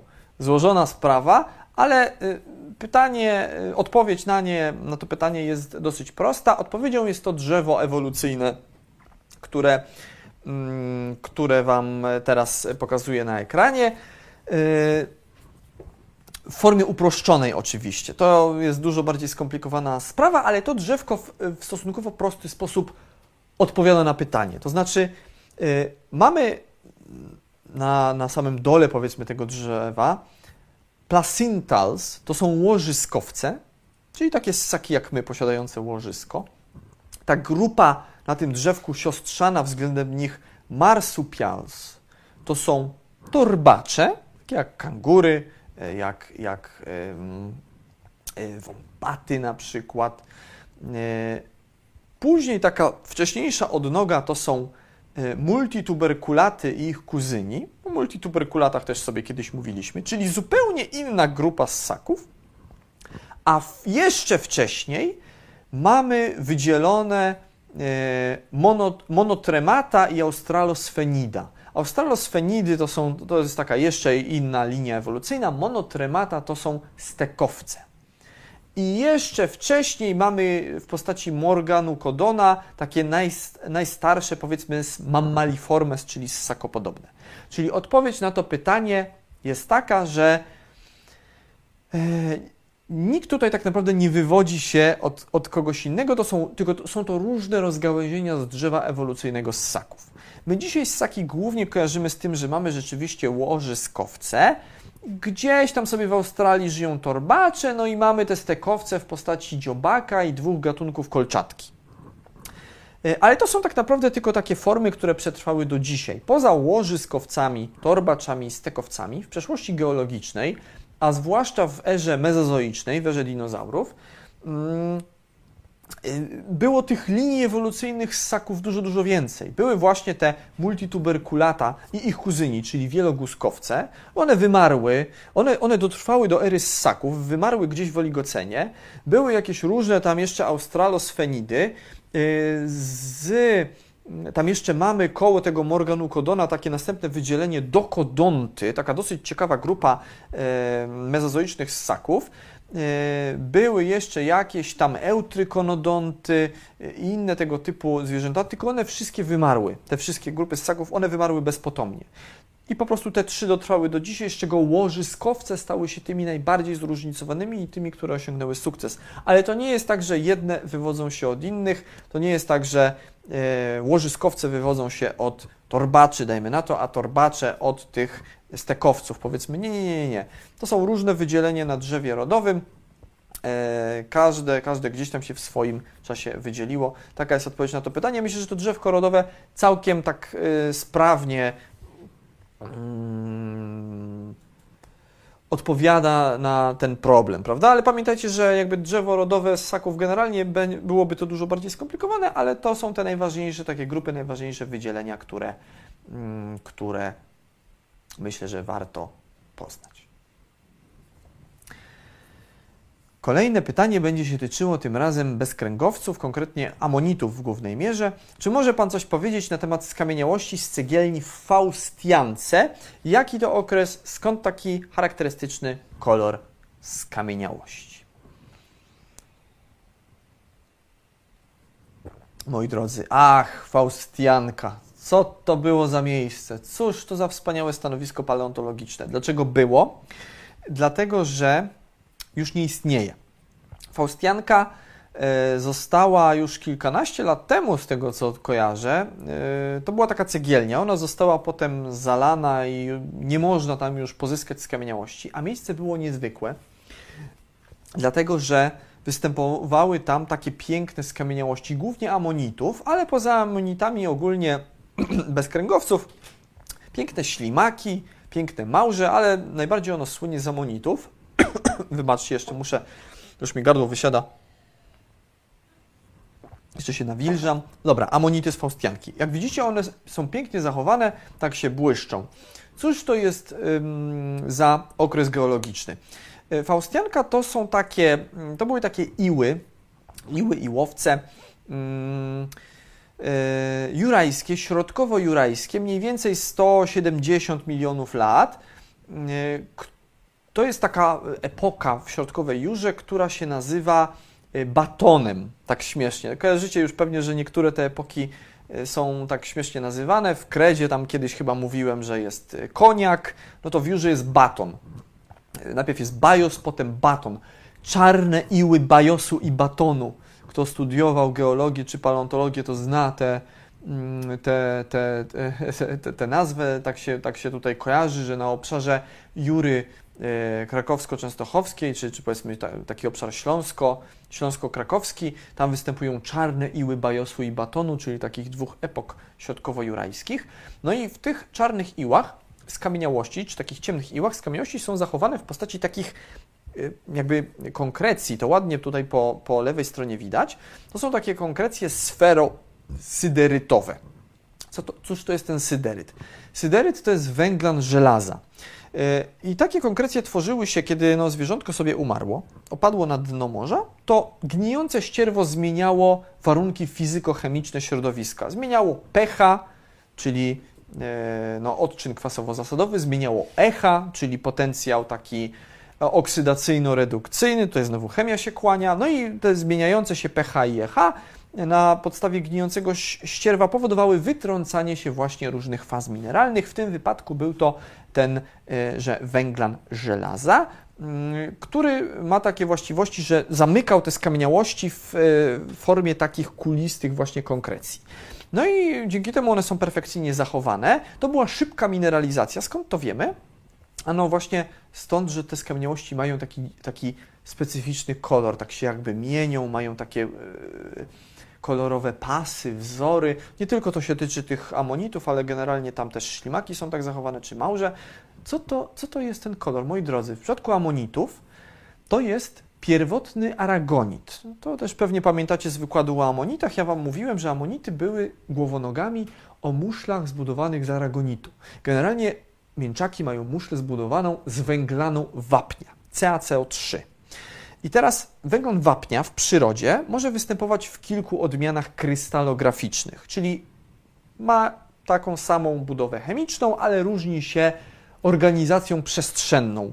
Kryształy inaczej wyglądają, mają inne układy krystalograficzne. Tutaj znowu się krystalografia, która z chemią ma dużo wspólnego, kłania. E, no i jeżeli się zmieni, w zależności od układu krystalograficznego, to mogą być dwie odmiany, przeważnie występują dwie, albo to będzie kalcyt, który jest bardziej trwały generalnie w środowisku, szczególnie w środowiskach morskich, albo mniej trwały, mniej stabilny i to jest aragonit. Amonity mają muszle pierwotnie aragonitowe. Za życia ich szkielet jest zbudowany z tej odmiany aragonitowej. Ale właśnie z racji, że już w środowisku, kiedy te skamieniałości są pogrzebane, aragonit nie jest stabilny, on woli przejść, przemienić się, przebudować swoją strukturę w postać kalcytową. I większość amonitów, jakie znajdujemy, są to muszle kalcytowe. E, a w tym wypadku w faustiance są to muszle aragonitowe. No i taki pierwotny aragonit, on się tak ładnie. Mm, tak ładnie mieni, więc jak znajdziemy gdzieś na obszarze Jury krakowsko-częstochowskiej w takich iłach właśnie rudonośnych, tego typu mieniące się skamieniałości, jest spora szansa, że one są pierwotnie aragonitowe, dlatego to był taki rarytas, dlatego to było coś, wiecie, e, no takiego fajnego, tym się badacze, amoniciarze, tym się podniecali bardzo. Spora część Mm, y, kolekcji Adriana Kina, który, jak pewnie niektórzy z Was wiedzą, w amonitach się specjalizował. To są właśnie amonity z Faustianki i mm, wiem, że Państwowy Instytut Geologiczny jest teraz w posiadaniu tych kolekcji. Tam są piękne amonity właśnie z Faustianki. Może to gdzieś wystawią u siebie w muzeum, będzie można te skamieniałości oglądać, no bo już z samej Faustianki się tych skamieniałości nie wydobędzie, aczkolwiek ten region właśnie iłów rudonośnych, on jest zasobny w tego typu skamieniałości podobnie zachowane amonitów, ślimaków, małżów ogólnie, ogólnie mięczaków, więc bardzo ciekawe skamieniałości, które niosą ze sobą ogrom mm, takiej wiedzy o tych procesach właśnie, które zachodziły w osadzie, o tafonomii, tym wszystkim, co się działo z tymi skamieniałościami. I kolejne pytanie, takie trochę bardziej od kuchni, moi drodzy. Jak obecnie w Polsce wygląda zbieranie i posiadanie skamielin w aspekcie prawnym? Dodatkowo, jak według Pana powinien się zachować paleontolog amator, który znajdzie kość, odcisk i tak pozostawić to dla siebie, poinformować, jakie instytucje. Y, całą tę sprawę zawarłem y, na tej planszy to pytanie musiało się znaleźć e, w dzisiejszym QA, dlatego że jest ono bardzo ważne.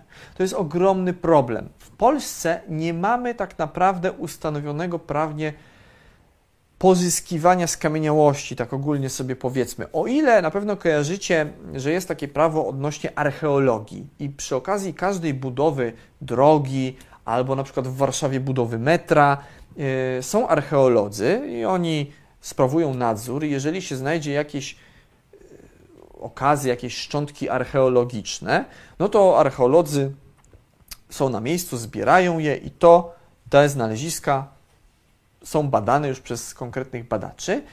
No to niestety z paleontologią tak nie jest. Sorry. Niestety, no tutaj nasz kraj bardziej o takie, mm, taką tę przyrodę, mm, no taką nieożywioną geologię nie dba. Wiecie, jeżeli to się coś tyczy Mm, tutaj jakichś takich właśnie tematów związanych z historią, z dziejami człowieka, no to oczywiście każdy tutaj y, polityk i wszyscy będą mówili, że im zależy na tym, żeby tak, y, szczątki z czasu wojny, albo jakiś miecz, albo coś, to jest cenne dla nauki i w ogóle, żeby to pozyskać. Stąd mamy takie nadzory archeologiczne. Ale jeżeli już idzie o znaleziska, wiecie, zwierząt żyjących gdzieś miliony lat temu, kogo to obchodzi? To, to w ogóle politykom to, to nie w głowie, więc nie ma takiego prawa. Y, I tak naprawdę jedyny, jedyny zapis, jaki znalazłem, to jest taki, że jeżeli się znajdzie gdzieś skamieniałości, to należy o tym poinformować takie władze lokalne na tym poziomie najmniejszym, czyli wójta albo burmistrza, ale to też jest y, uczciwie sobie powiedzmy takie bardziej martwe prawo, to znaczy no, mało kto się tego stosuje. To nie jest, wiecie, taki przepis, za który ludzie będą ścigani, że na przykład nie zgłosili, że znaleźli pół amonita gdzieś. No i słusznie, nie powinni być ścigani za coś takiego, ale przez to, że nie ma tego uregulowanego prawnie, no to spora część takich ważnych dla nauki znalezisk ginie całkowicie. Więc jedyne, co ja mogę Wam powiedzieć, e, skoro no nasze państwo w tym aspekcie nie działa, to to, żeby każdy z Was, jak znajdzie jakąś taką skamieniałość, która Wam się wydaje ważna dla nauki, a już pewnie wiecie z moich wykładów, że tak naprawdę no, nigdy nie wiemy, która skamieniałość będzie cenna naukowo, prawda? Bo mm, jasne, że możemy mieć czasami, nie wiem, kawałek, nie wiem, kości dinozaura, czy coś takiego, co, co przyjdzie nam do głowy, co widać, że będzie unikatowe i rzadkie, ale no pewnie już zdążyliście zauważyć, że nawet takie, wydawałoby się, pospolite amonity, jeśli są jakoś specyficznie zachowane, albo są jakoś wyjątkowo duże czy kompletne, to też są skamieniałości unikatowe ważne dla nauki. Kawałek koralowca, kawałek amonita też będzie ważny, już nie mówiąc o tych najbardziej spektakularnych fragmentach jakichś wielkich zwierząt kręgowców, prawda? To każdy z Was, który znajdzie tego typu szczątki, powinien się zgłosić do instytucji takich jak na przykład Muzeum Ziemi, które ja reprezentuję, E, żeby te skamieniałości trafiły w odpowiednie ręce, bo my lubimy współpracować na przykład z jakimiś lokalnymi zbieraczami, którzy gdzieś sobie zbierają skamieniałości na danym obszarze, bo akurat mieszkają 200 kilometrów od, e, od Warszawy, prawda? No ja też nie mam jako człowiek możliwości bycia wszędzie, we wszystkich miejscach naraz i przekopania całego kraju, a taki lokalny właśnie, jak było powiedziane, w pytaniu paleontolog amator już jak najbardziej taką szansę posiada. Więc jedyne, co ja mogę zrobić, to skierować się do Was z apelem, żeby się zgłaszać do instytucji takich jak Muzeum Ziemi z tego typu znaleziskami. E, no fajnie by było, gdyby to było jeszcze tak prawnie uregulowane i gdyby na przykład państwo nasze chciało wynagradzać e, tego typu znalazców, amatorów e, za, za tego typu odkrycia. No, swoją drogą tutaj jeszcze muszę wspomnieć, że a propos tego nadzoru archeologicznego, to na pewno słyszeliście o odkryciach teraz z metra warszawskiego, gdzie czaszki turów były znalezione. Tam archeolodzy sobie biorą te czaszki i badają e, i z tego co ja kojarzę, jakoś nie bardzo są tacy chętni, żeby e, tutaj zgłaszać się do badaczy, którzy, którzy będą się specjalizowali w tego typu tego typu odkryciach, no bo archeolodzy się, wiecie, szczątkami, nie wiem, z megafauny pleistoceńskiej nie zajmują. E, trochę szkoda, trochę szkoda, ale no, no nie mamy na to jak na razie wpływu. Myślę, że to się w najbliższym czasie nie zmieni, więc jedyne, e, co ja mogę zrobić, to się do Was odezwać o taki właśnie obywatelski, powiedzmy z takim apelem obywatelskim, żeby tutaj, jak się znajdzie jakąś skamieniałość, to się zgłosić do odpowiednich instytucji, bo wiecie, w sumie nigdy nie wiemy, co tak naprawdę znaleźliśmy. To coś może być, wydawać nam się fragmentem czegoś, a może się okazać czymś niezwykle unikatowym i cennym dla nauki światowej.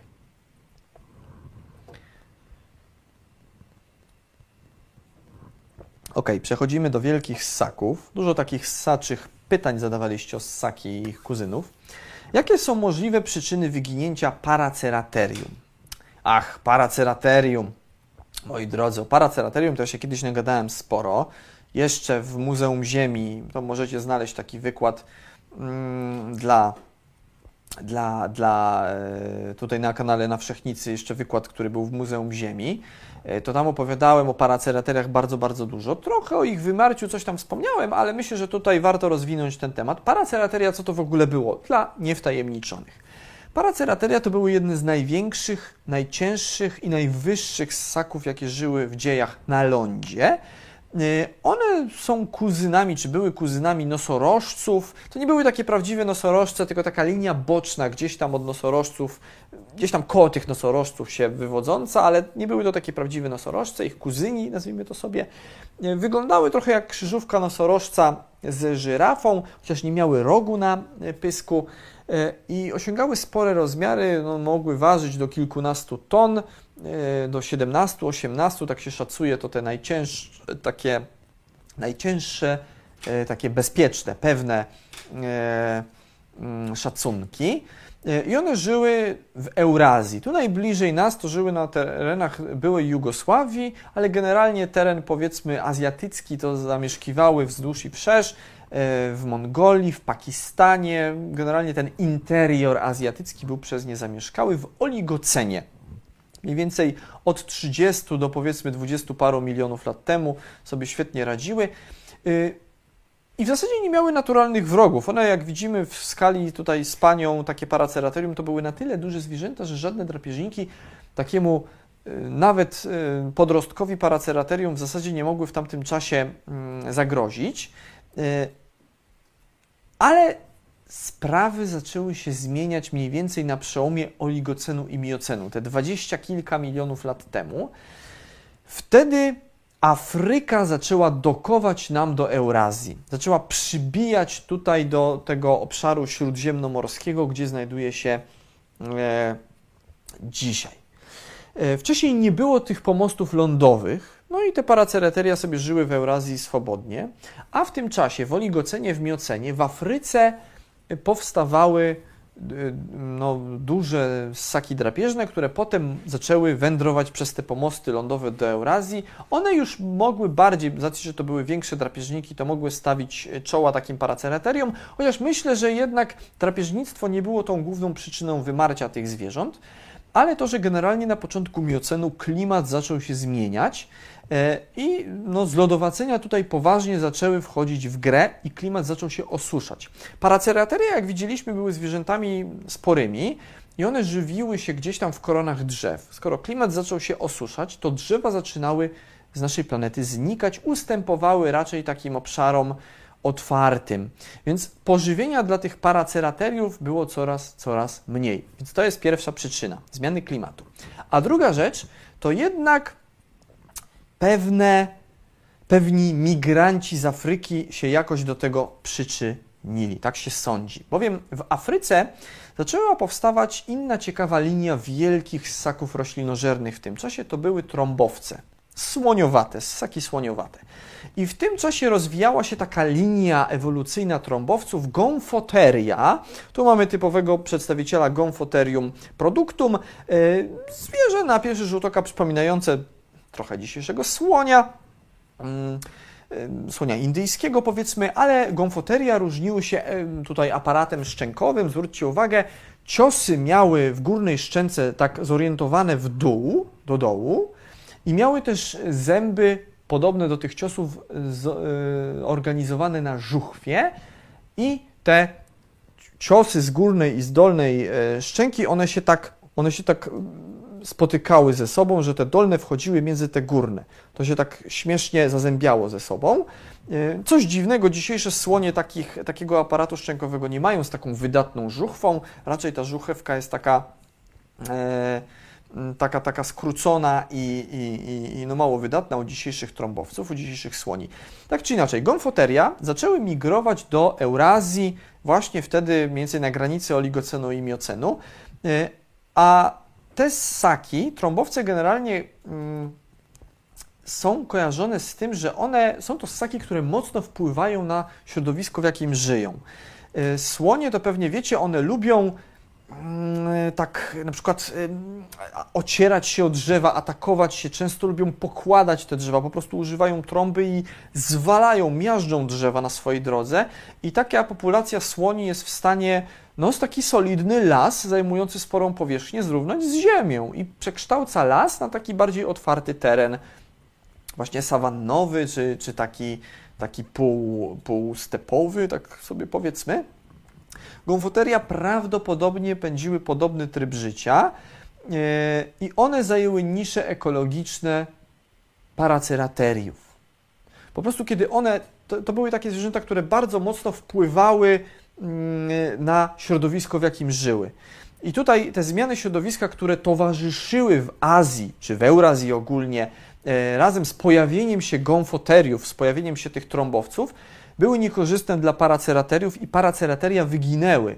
Więc no, mogę te sytuacje wymarcia paracerateriów i ich zastąpienia przez gonfoteria podsumować e, takim cytatem z takiego latającego czerwonego e, kościotrupa, który kiedyś powiedział e, dusza za duszę.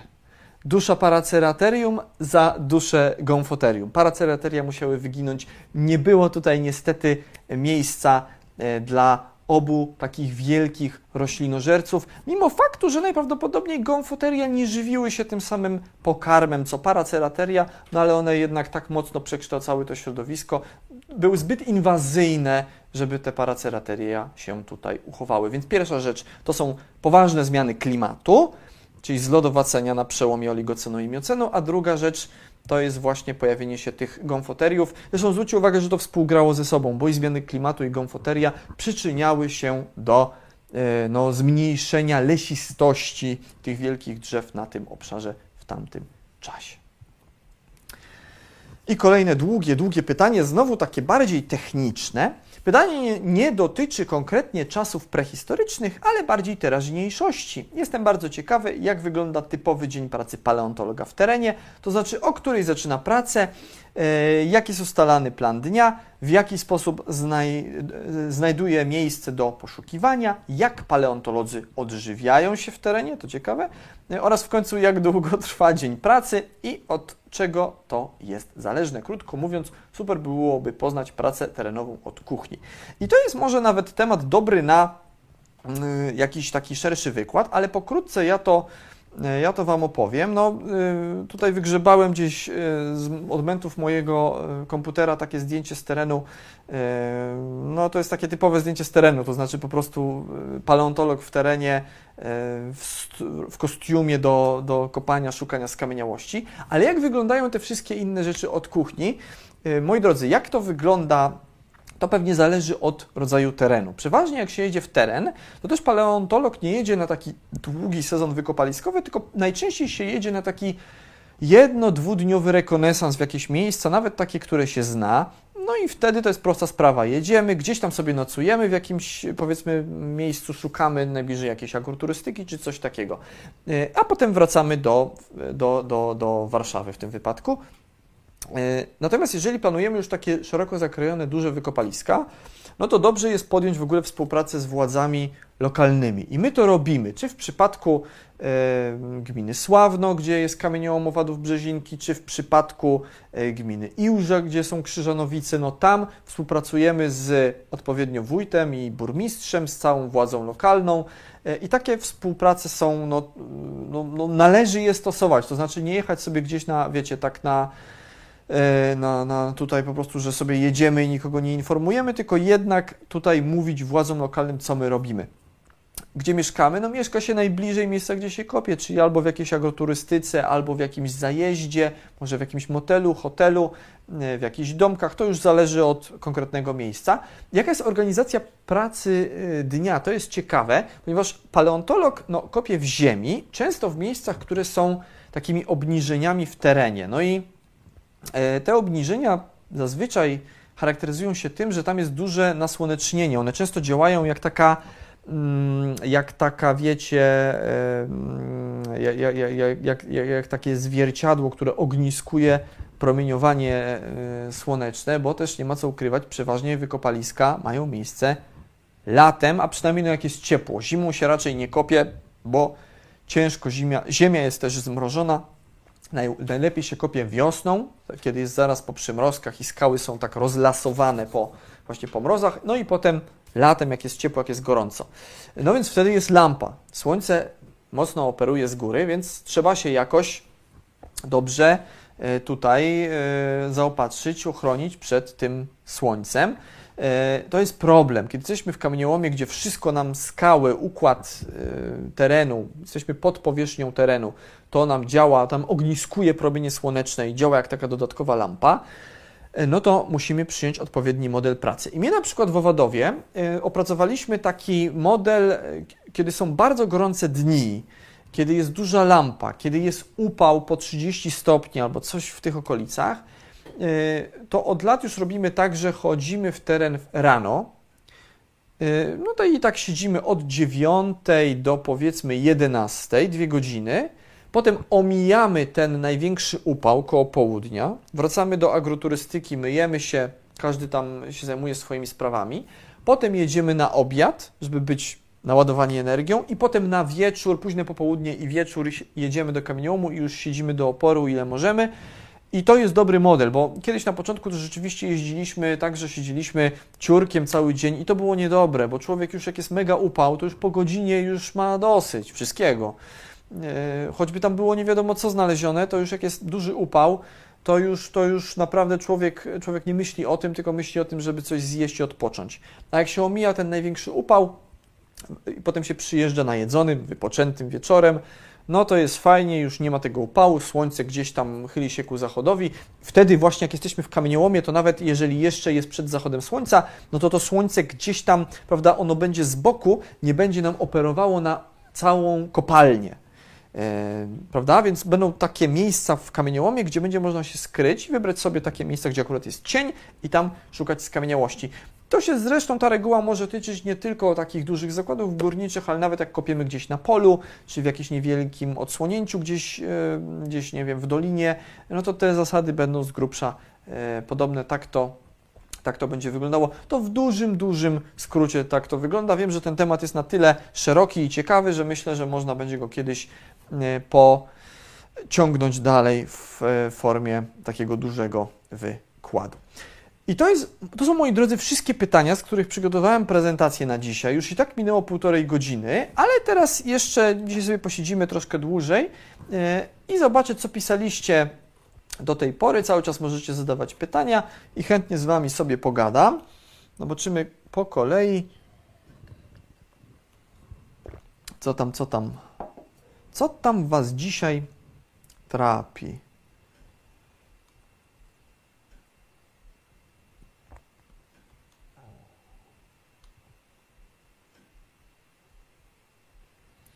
W jaki sposób u ptaków wyewoluowały dzioby? A Coris pyta. Dzioby, no to jest, to jest złożona sprawa. To jest naprawdę taki temat, e, temat e, niełatwy. Dziób jest taką strukturą, która w pewnym sensie zastąpiła ptakom zęby i dzioby mogą, tak jak zęby u kręgowców, które dziobów nie posiadają, jak u ich przodków, powiedzmy u dinozaurów, dzioby E, zęby mogły przyjmować różne kształty i pełnić różne funkcje, chwytne, takie bardziej miażdżące. E, do, z dziobami jest podobnie i one myślę, że tutaj e, powstawały, powstawały również na takiej zasadzie, że każdy dziób pełnił zróżnicowane funkcje i pierwsze ptaki to oczywiście posiadały równolegle i takie pierwotne dzioby i mm, zęby, ale pamiętajcie, że dziób E, dziób jest tak naprawdę, on jest okryty jakąś tam e, częścią miękką, ale dziób to jest po prostu przekształcona szczęka. To są przekształcone kości, które pełnią odpowiednie funkcje i w momencie, kiedy zanikały zęby, to odpowiednio sama szczęka się przekształcała, żeby pełnić mm, wybrane funkcje w zamian za zęby, co jest zresztą zjawiskiem takim dosyć powszechnym u kręgowców, które będą miały szczęki, ale nie będą posiadały zębów, bo na przykład u ryb pancernych było bardzo podobnie. Ryby pancerne nie miały zębów, tam jeszcze zęby nie powstały, ale powstawały różne struktury na szczękach, które pełniły funkcje takie, jakie pełnią e, różne kształty zębów. Więc z dziobami myślę, że mogło być podobnie, oczywiście w innych warunkach środowiskowych.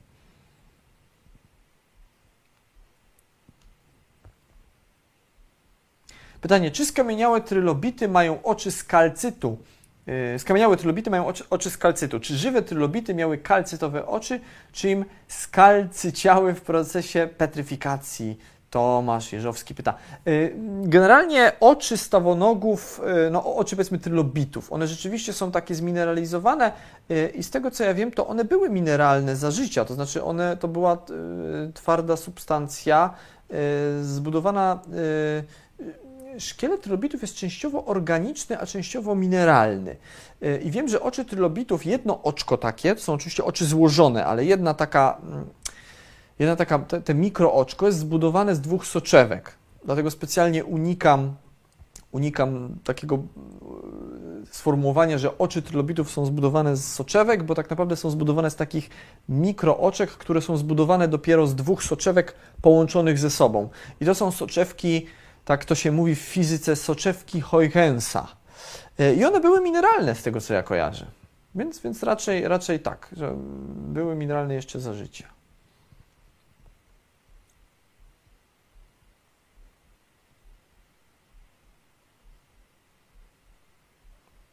Damian Kolbe.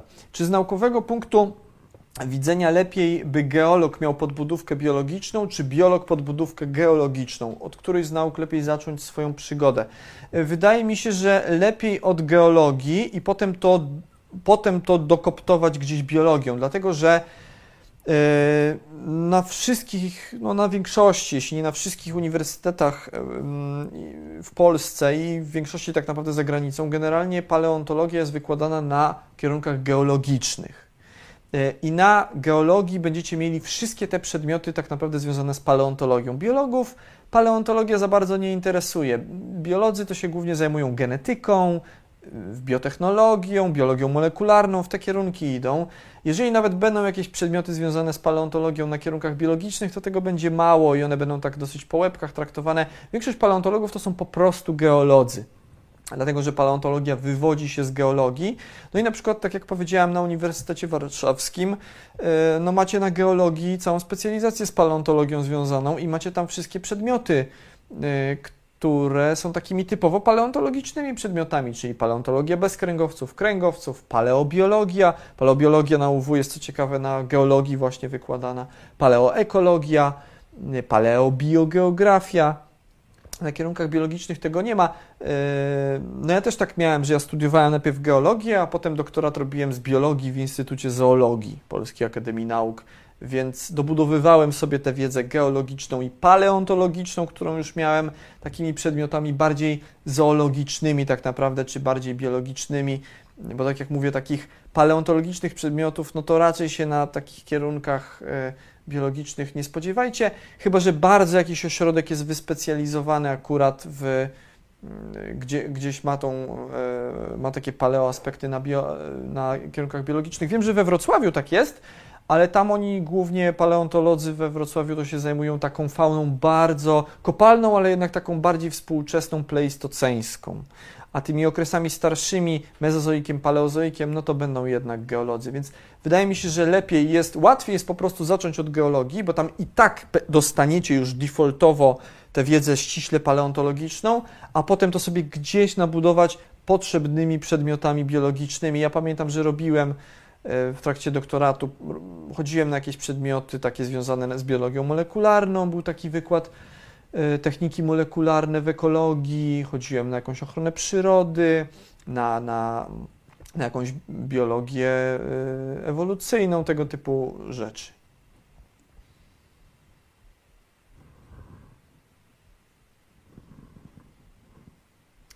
Czy torbacze przetrwały do dzisiaj dzięki izolacji geologicznej Australii? Bo gdyby nie to, to byśmy nie podziwiali kangurów i innych torbaczy dzisiaj. Łukasz Smolarczyk. Izolacja na pewno tutaj torbaczą, izolacja Australii bardzo torbaczom pomogła. To nawet sobie o tym rozmawialiśmy dwa tygodnie temu, zdaje się. E, faktycznie mm, one tam przetrwały dzięki temu głównie i tak się rozwinęły, bo Australia była w izolacji, tam te łożyskowce no, no, nie osiągnęły takiego sukcesu, ich tam za dużo też zresztą nie było. Natomiast już za czasów historycznych ludzie zaczęli sprowadzać łożyskowce do Australii. Wiemy, że to ma skutki opłakane. Tam już dzisiaj sobie hasają wielbłądy, tam sobie dzisiaj hasają zające. To są wszystko zwierzęta, tam sobie hasają lisy. To są wszystko zwierzęta bardzo inwazyjne, które niszczą środowisko dobre dla torbaczy i zajmują nisze ekologiczne torbaczy. Łożyskowce generalnie dzięki obecności kory nowej, innej w ogóle budowie mózgu, lepiej się trochę przystosowują, są bardziej takie plastyczne do środowiska. Torbacze tak sobie dobrze z tym nie radzą, więc miały farta z tą Australią. E, I teraz jest oczywiście w Australii wprowadzony cały taki program, żeby zatrzymać te, ten rozwój łożyskowców e, na terytorium australijskim, tych wielbłądów, które szczególnie swoimi kopytami niszczą, e, niszczą podłoże. Y, zajęcy właśnie, które dla małych torbaczy roślinożernych tutaj zajmują ich nisze. Szczury, w ogóle gryzonie są, są zabójcze dla małych torbaczy mm, australijskich, więc ja nie wiem, czy to już nie jest trochę za późno. Więc myślę, że tutaj przez miliony lat miały farta po prostu z tą Australią, ale czy to się dobrze skończy dla torbaczy zasiedlających Australię? Oj, oj, nie widzę tego, niestety. Także jedźcie do Australii szybko kangury zobaczyć, póki jeszcze można, tak w naturalnym środowisku. W Ameryce Południowej tutaj e, Andrzej G. dobrze zauważa, też e, przeżyły, no ale tam powiedzmy nie są tak zróżnicowane. A w Wierzbicy niedaleko Iłży jest kamieniołom i tam były prowadzone jakieś e, badania, pan piłka nożna. Tak, jest, jest kamieniołom Wierzbica niedaleko Iłży, to jest olbrzymi kamieniołom, ja tam nawet byłem jakiś czas temu i jest ogromny. E, tam jest kilka takich wielkich pól eksploatacyjnych. Jedno jest zalane i tam jest stworzony taki bajkowy, wypełniony lazurową wodą taki zalew, a w drugim polu eksploatacyjnym rośnie las. W środku kamieniołomu rośnie las.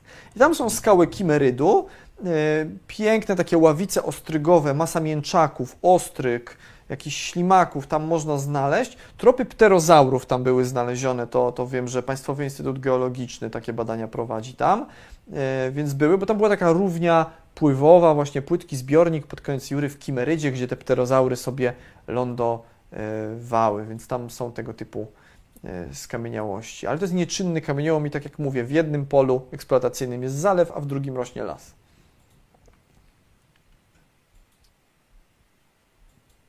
Kto, Danielu, na jakim etapie jest pisanie książki? Kamień mezozoiczny pyta. Mm, no, jest na etapie, jest na jakimś tam etapie. Jeszcze nie będę mówił za wcześnie, żeby mówić na jakim, ale, ale jest to powiedzmy, dzieją się rzeczy. Dzieją się rzeczy, na razie nic nie będę spoilerował dalej.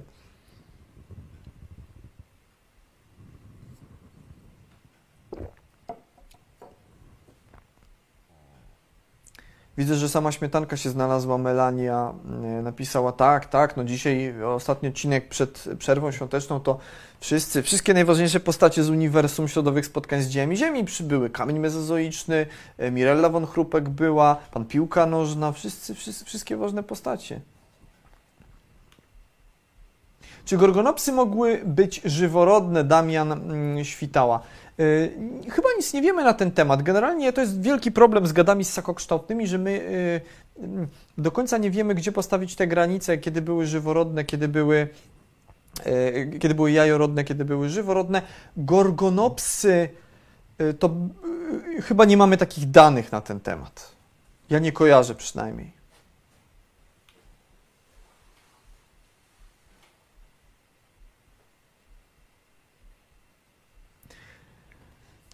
Jak to jest, że na Ziemi są płyty tektoniczne, a na innych znanych i zbadanych przez człowieka planetach skalistych nie występują? Majki, Majki. Y, płyty tektoniczne to jest y, już taki problem rzeczywiście bardziej chyba planetologiczny czy geotektoniczny. Y, czy płyty tektoniczne są na innych planetach? To tego bym chyba w ogóle tak nie ujął. Problem polega na czym innym. My mamy po prostu aktywną tektonikę ogólnie geotektonikę. Dlatego, że mamy rozgrzane wnętrze planety. I ten ruch płyt skorupy ziemskiej, on się odbywa dlatego, że jest to ciepło od spodu, to też Wam kiedyś tłumaczyłem. Jest sobie ten płaszcz ziemski, który jest podgrzewany przez jądro od spodu i mamy ruch materii we wnętrzu. Ten ruch materii powoduje przesuwanie się, to, że ta skorupa jest w ogóle popękana i ona się przemieszcza, te płyty się przemieszczają względem siebie nawzajem. E, I, I to z tego wynika. Czyli teoretycznie, ja się nie znam na planetologii, ale wyobraźmy sobie taki scenariusz, że mielibyśmy rozgrzane wnętrze na przykład Marsa, tak jak mamy Ziemi. to teoretycznie ten ruch konwekcyjny też by nam powodował popękanie i przesuwanie się płyt tektonicznych, stworzenie się w ogóle płyt w obrębie skorupy Marsa. Tak to powinno wyglądać.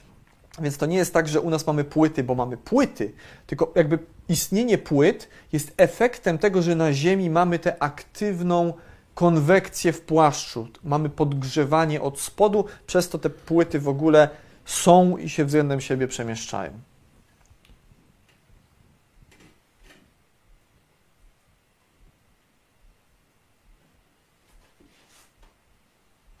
Czy jest możliwość dołączenia do naszych wykopalisk ze studentami lub zorganizowania amatorskie wykopaliska? No ogólnie my y, przyjmujemy czasami osoby, które są jakimiś e, tutaj pasjonatami, no nie są powiedzmy studentami ani zawodowymi paleontologami, ale wiecie, na razie w warunkach covidowych e, nie jestem w stanie Wam nic obiecać i nic powiedzieć, po prostu. Nie wiemy, co to będzie w 2021 roku, jak to będzie wyglądało.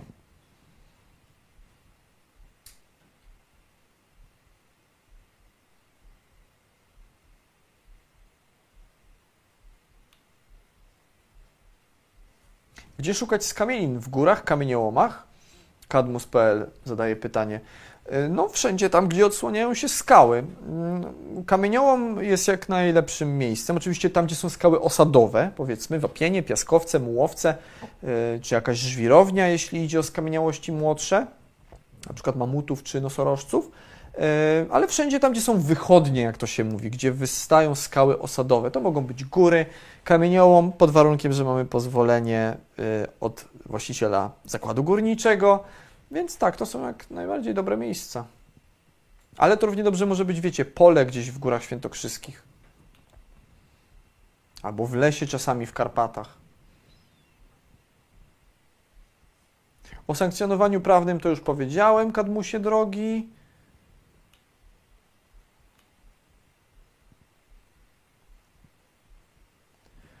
A czy ja jestem splittersem czy lampersem? E, pyta Krzysiek z naukowo. E, różnie. Różnie, różnie. To jest chyba, ja jestem chyba takim fluid lampersem i splittersem. To, za, to zależy. To zależy. Wiecie, czasami pokusa rzeczywiście stworzenia nowego gatunku jest bardzo taka no silna, nie? I kusząca. No, każdy, wiadomo, każdy chce, chciałby mieć ten swój nowy, nie wiem, gatunek, czy jakiś takson, no, nowy, nową, nie wiem, w ogóle coś nowego yy, mieć. Yy, I materiał paleontologiczny też jest na tyle taki specyficzny, że czasami yy, no, no, jest to takie bardzo płynne i, i, i dany materiał właśnie pozwala jednemu być lampersem, innemu być splittersem i ja chyba jestem takim płynnym właśnie, że raz bym był lampersem, raz był splittersem, zależy którą nogą wstanę.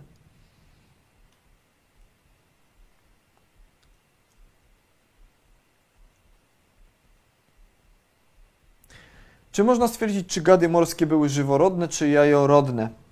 Maciej Hara. Można to stwierdzić i my to wiemy, ponieważ mamy czasami kompletne skamieniałości gadów morskich zachowane w momencie porodu. I to też y, odsyłam, jest wykład o gadach morskich y, w naszym cyklu, gdzie opowiadałem o takim stanowisku w Holzmaden, gdzie są zachowane kompletne szkielety ichtiozaurów. Mam ichtiozaurów, które umarły w trakcie porodu. To trochę przykre, ale to prawda.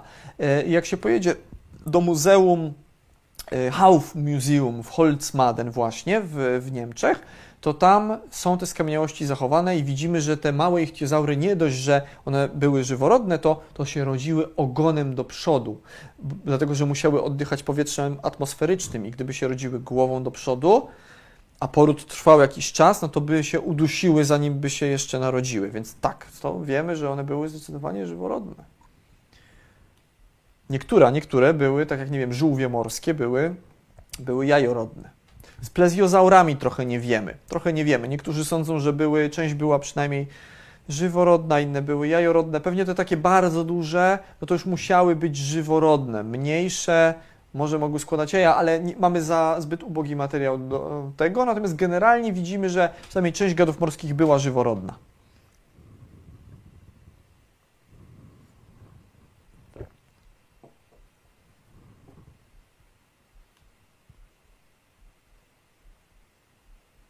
Dobrze, chcecie wykład o paleopatologii, to pomyślimy, będzie, będzie.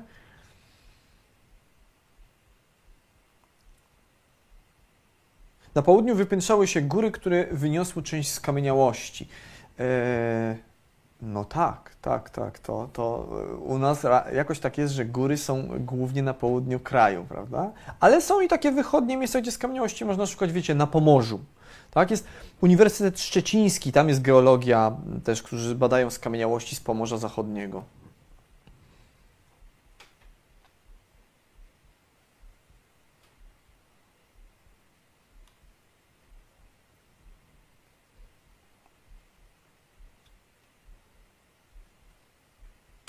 Przeciwstawne kciuki są takie fajne. Dlaczego nie wszystkie stwory chciały je mieć? E, Alicja, Lady M e, zadaje to pytanie. One są fajne z naszego punktu widzenia, bo my je mamy. Ale myślę, że jakbyśmy byli psem, albo dinozaurem, albo meduzą, to to w ogóle, to, to jakbyśmy byli meduzą, to by nam się wydawało, że w ogóle posiadanie kończyn jest bez sensu, bo przecież można pływać w wodzie i tak po prostu sobie tego, no, robić to, co tam meduzy robią. Jakbyśmy byli psem, no to też po co nam przeciwstawne kciuki, prawda? My na to patrzymy z naszego punktu widzenia. Jesteśmy ludźmi, więc te cechy, które my mamy, no to kojarzymy z tym, że one są fajne i w pewien sposób pożądane, ale wcale tak nie jest. Dlaczego skamieniałości na Warmii jest mniej i gdzie ich tu szukać? No Warmia rzeczywiście nie słynie z jakiegoś bardzo takiego paleontologicznego e, obszaru. Dlaczego jest ich mniej? Prawdopodobnie dlatego, że ten obszar... E, e, on był pokryty największą ilością, e, powiedzmy, e, zlodowaceń w ostatnim czasie i jest mocno przykryty tymi młodymi skałami z ostatniego zlodowacenia. Więc to jest, myślę, ta największa przyczyna. Te obszary na południu Polski tam już zlodowacenia tak za bardzo nie dochodziły, prawda? Góry Świętokrzyskie to w ogóle w trakcie zlodowaceń sobie wystawały na powierzchnię, no już o Karpaty to w ogóle, czy Sudety się lądolud oparł, więc tam jest siłą rzeczy więcej tych wychodni. No, Warmia, Mazury to był obszar taki mm, mocno, mocno pokryty mm, e, tymi skałami z ostatniego zlodowacenia.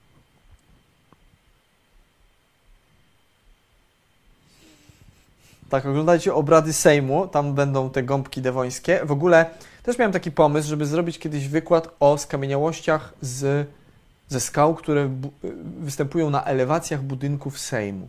Muzeum Ziemi w Warszawie znajduje się w sąsiedztwie Sejmu, bardzo blisko.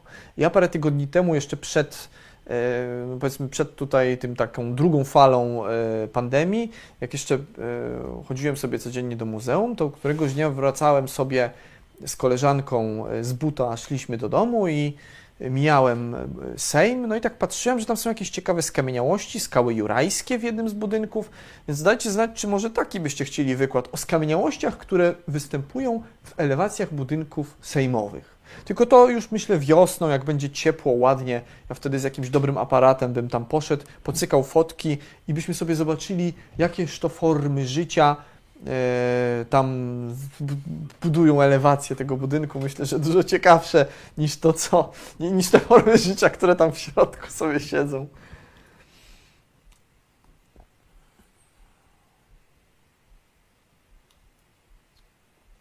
Dobra, dobijamy do dwóch godzin. Będę trochę bardziej selekcjonował te pytania, bo powoli będziemy kończyć. Tak, siedzimy, jeszcze sobie chwilkę posiedzimy, ale, ale powiedzmy, że powoli, powoli będziemy się zbliżali do końca. Na jaką epokę datować piaskowiec z południo, południowego Podkarpacia? Tomasz Jagusztyn pyta. E, nie wiem, panie Tomaszu, musiałbym e, wiedzieć coś więcej, musiałbym go zobaczyć, ale raczej tak paleontolog, geolog na zasadzie po prostu takiego e, opisu geograficznego nie powinien tutaj stawiać diagnoz, ale jak kojarzy z map ten obszar, no to południe Podkarpacia to będą piaskowce kredowe, tak bym strzelał, ale to jest czysty strzał mój. Równie dobrze mogą być triasowe, ale myślę, że tam jest dużo na powierzchni wychodzi piaskowców z okresu kredowego, więc e, to jest taki mój strzał. Ale musiałbym wiedzieć coś więcej, jakieś skamieniałości może pan ma, panie Tomaszu, w tym piaskowcu.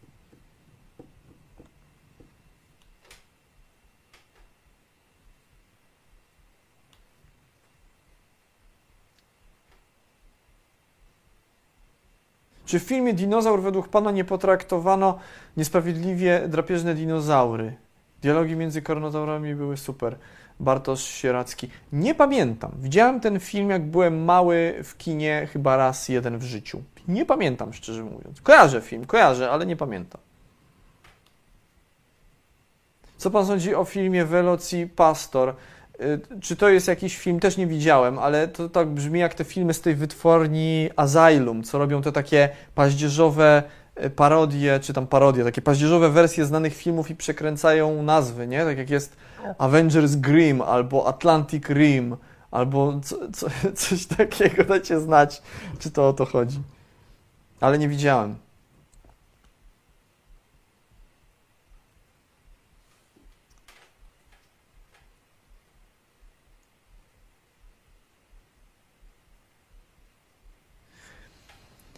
Jaki procent lub jakie szacunki ilościowe są odnośnie mm, fauny i flory, którą poznaliśmy lub nie?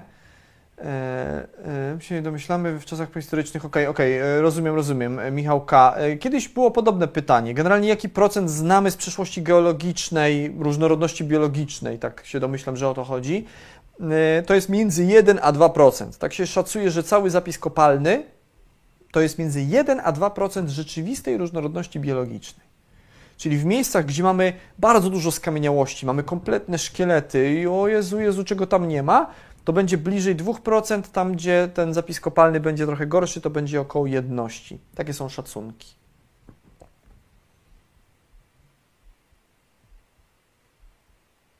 Czy oglądałem Ufozaury i Extreme Dinosaurs? Ufozaurów to nie kojarzę. Extreme Dinosaurs pamiętam, że było coś takiego. To były te takie humanoidalne dinozaury, strzelały z ramion czy coś. Kojarzę, że to było, ale nic nie pamiętam z tego. Więc nie mam ulubionych postaci z tych kreskówek, sorry, nie pamiętam. Oglądałem dużo, dużo takiego kontentu, jak byłem dzieciakiem, e, z takich właśnie rzeczy, jakichś seriali, bajek o dinozaurach, ale to, tego nie pamiętam jakoś szczególnie mocno.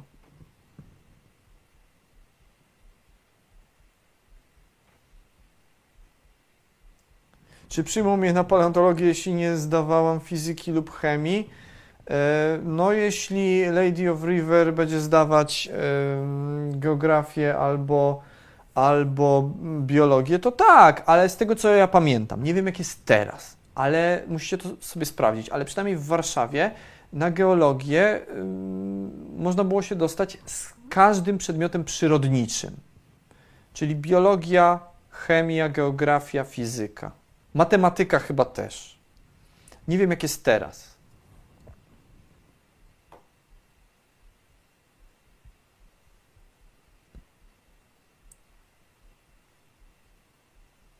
Z czego poza tlenkiem krzemu składają się skały takie najbardziej typowe? Adam Obuchowski. Oj, to bardzo różnie, panie Adamie. Bardzo różnie zależy, jakie skały, bo skał jest 1500, 100, różnych rodzajów.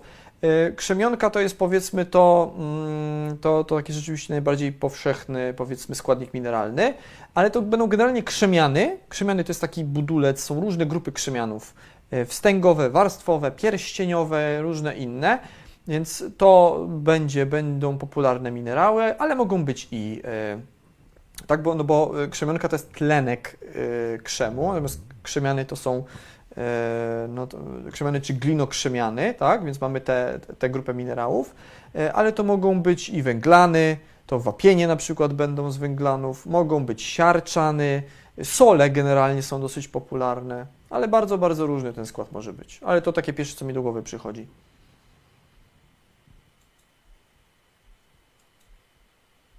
Tu znowu Kamil y, y, Gadzina podobne pytanie zadaje. Jaką trzeba mieć ocenę i czy z geografią, czy coś jeszcze na maturze? Nie wiem, jak jest na we wszystkich uniwersytetach, kochani. Ja pamiętam, jak było w Warszawie te kilkanaście lat temu, jak ja zdawałem, no to było tak, że yy, wystarczył jeden przedmiot przyrodniczy i tyle. Może się coś zmieniło teraz, ale nie wiem. Czy grał Pan w grę nie, nie, nie, nie, nie. Ja, wiecie co, ja nie gram w gry. Już kiedyś, kiedyś ktoś mnie pytał o gry tutaj. Ja jestem mało growy, nie, jakoś nie bardzo, nie bardzo. Nie bardzo. Jakoś nigdy to nie złożyło mi się. Jakoś nigdy nawet nie byłem takim dzieckiem, które lubiło, wiecie, grać e, w gry.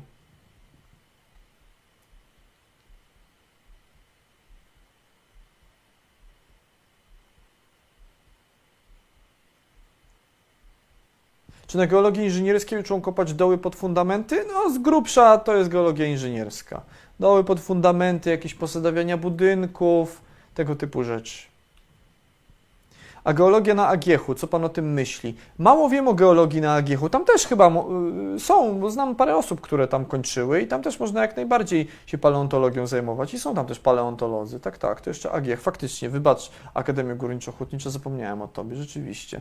Tam też mają na Agiechu mają dinozaura takiego prześnego w środku, tak jak w Warszawie jest dinozaur i na Agiechu też mają dinozaura. No, faktycznie. Tam jest chyba kierunek górnictwo i geologia.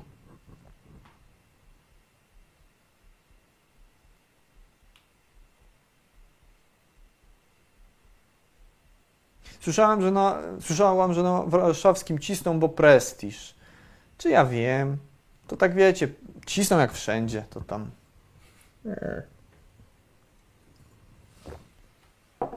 Zależy kto i zależy z czego. Ja, ja słuchajcie, studia na Wydziale Geologii na UW wspominam super.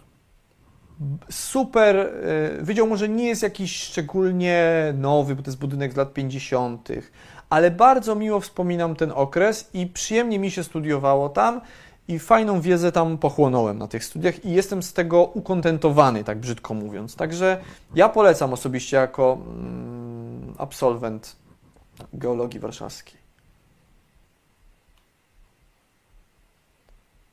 Czy będzie kiedyś wykład o ewolucji torbaczy? Nie wiem, może.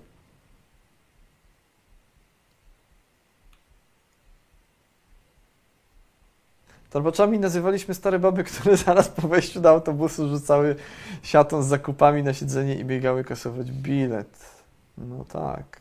Ta, już mnie to zjawisko omija od jakiegoś czasu, bo ja co prawda nie jestem zmotoryzowany, ale teraz pandemia, to, to mniej się podróżuje autobusami.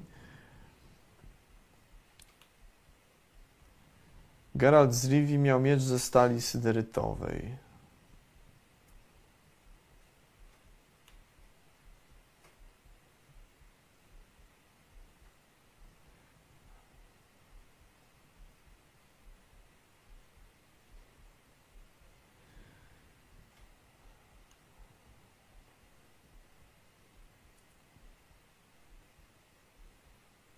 Znalazłem coś, co wygląda jak jajo dinozaura. Mieszkam 200 km od Warszawy.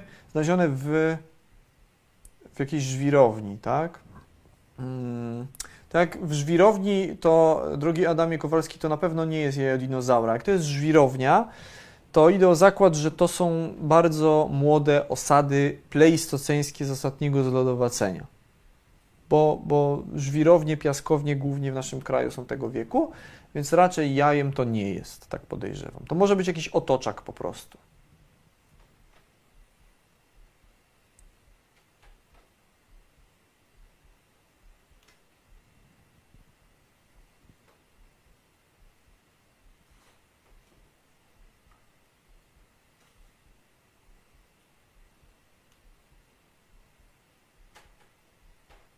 A skąd taki znalazca ma wiedzieć, że to, co znalazł, jest kością dinozaura, a nie psa? Głupio się zgłaszać z każdą rzeczą.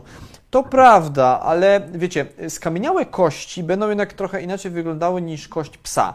Yy, w ogóle, tak po prawdzie, skamieniałe kości przeważnie nie wyglądają jak kości. To znaczy, one nie są tak zachowane jak takie zwykłe kości psa, które gdzieś w lesie czy na polu można znaleźć, albo kości kurczaka yy, wyrzucone gdzieś, wiecie, na trawnik to nie są bieluśkie, ładne, czyste kosteczki. To będą skamieniałe twory siedzące przeważnie w jakiejś skale, więc to nie będzie wyglądało jak kość. Więc raczej jak znajdujecie ładną, bielutką kość gdzieś na polu, to raczej nie będzie kość jakiegoś prehistorycznego zwierzęcia. Oczywiście jest szansa, że gdzieś właśnie w żwirowni, piaskowni znajdziecie kości duże, które będzie widać, że to są kości, to będą kości jakichś pleistoceńskich zwierząt, ale raczej one też będą spore, będą dużo większe niż kości psa.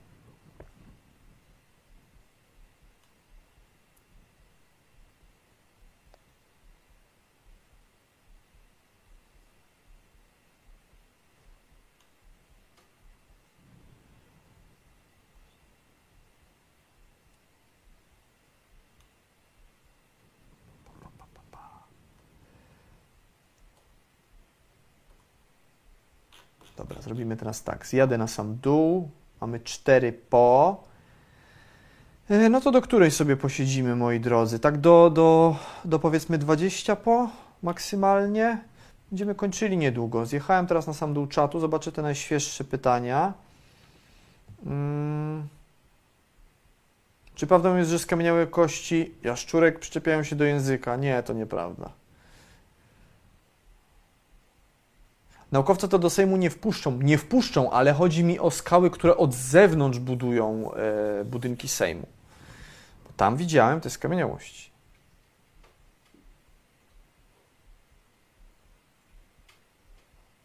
Czy ewolucja już wszystko wymyśliła i może być tylko odtwórcza?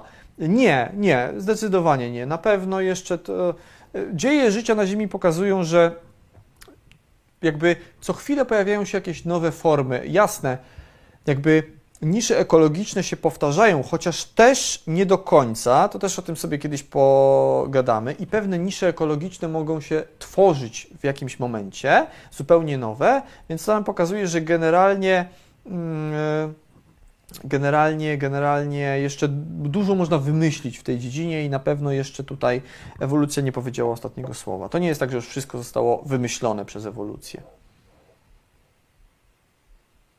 Co zdecydowało o wyborze takiego zawodu? E, skąd zainteresowanie paleontologią?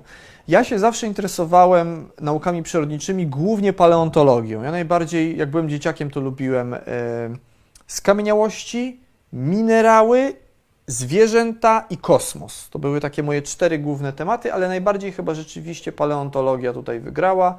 Właśnie te studia geologiczne, paleontologia to jest taki miszmasz, bo to jest i o skamieniałościach, i o zwierzętach, i o minerałach, y, o kosmosie też trochę na niektórych przedmiotach, więc to tak fajnie łączy te nauki przyrodnicze, to jest taki węzeł, gdzie to się wszystko spotyka. Więc ja zawsze, zawsze się interesowałem takimi tematami.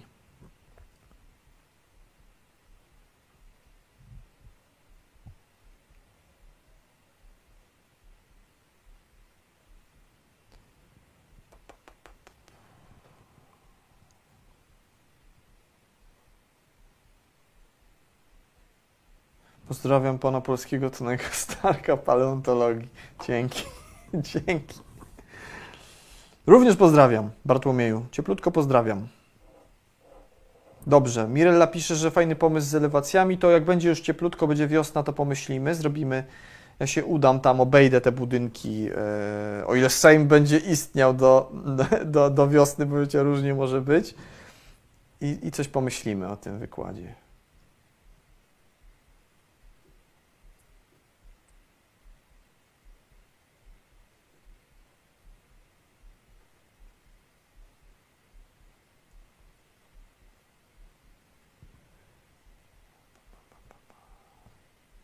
Czy w Polsce jest dużo paleontolożek? E, na pewno mniej niż paleontologów, ale trochę jest. Trochę jest, ale nie, to jest typowo, paleontologia to jest, wydaje mi się, że taki typowo chyba męski zawód. Tak jak myślę sobie, to więcej jest facetów, ale kobiety też są i chyba radzą sobie coraz lepiej.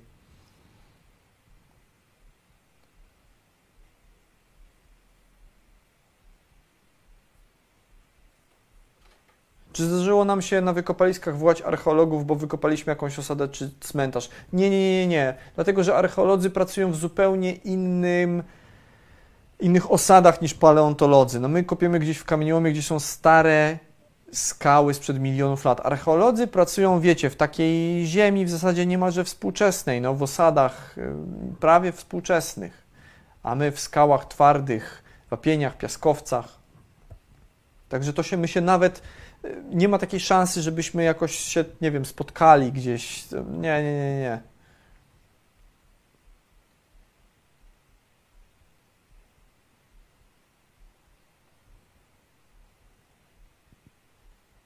W sensie pyta, kiedy będą dinozaury. No ja się staram, żeby te nasze wykłady były takie ogólnopaleontologiczne, ale jeszcze do dinozaurów sobie na pewno będziemy wracać. Zresztą czasami, no ja tutaj tak regularnie wracam do tych tematów. I nawet jak o Antarktydzie rozmawialiśmy dwa tygodnie temu, to e, drogi przeciętny człowieku, tam też o dinozaurach było, bo zawsze staram się, wiem, że lubicie te tematy, to staram się wciskać te dinozaury gdzie się da.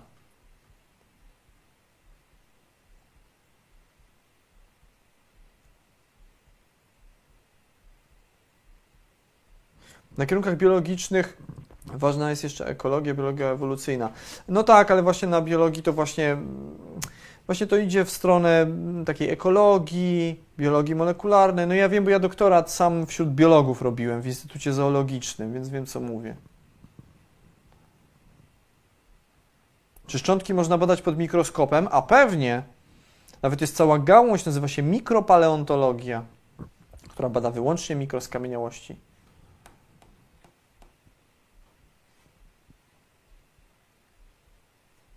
Oczko mu się odlepiło temu tylobitu. Czy zachowały się jakieś ślady pradawnych grzybów, mchów, ślimaków?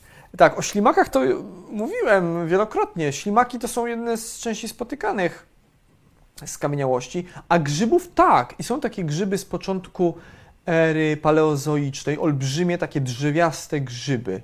W Ordowiku zdaje się żyły, więc są, są skamieniałe grzyby jak najbardziej.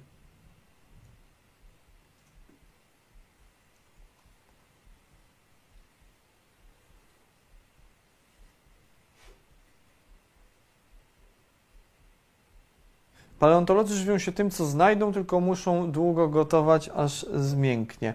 Eee, no. Nie, nie jest aż tak źle. To nie jest tak, że musimy zjadać to, co znajdziemy. W Owadowie na przykład jemy w zajeździe, który jest tuż koło kopalni. Są super obiady. Ja, ja jestem niejadkiem, a ja tam nigdy nie narzekałem na obiady i, i wsuwam, wsuwam bardzo dobre, duże porcje. Także Także nie jest tak najgorzej. Dobra, dojechałem do miejsca, w którym przerwałem. Jak się wyszukuje mikroskamieniałości? To zależy jakie. na przykład takie konodonty, które są fosforanowe, a występują w skałach węglanowych, no to się yy, je maceruje odpowiednimi kwasami. Kwasem, który po prostu wypali, kwasem octowym albo solnym, który wyżre węglon wapnia, zostaną mikroskamieniałości fosforanowe. Mikroskamieniałości wapienne z kolei y, to na przykład solą glauberską. Tu znowu ta chemia się kłania, widzicie, to jest cały czas w metodologii paleontologa ta chemia będzie powracała, jednak to jest piekielnie ważne.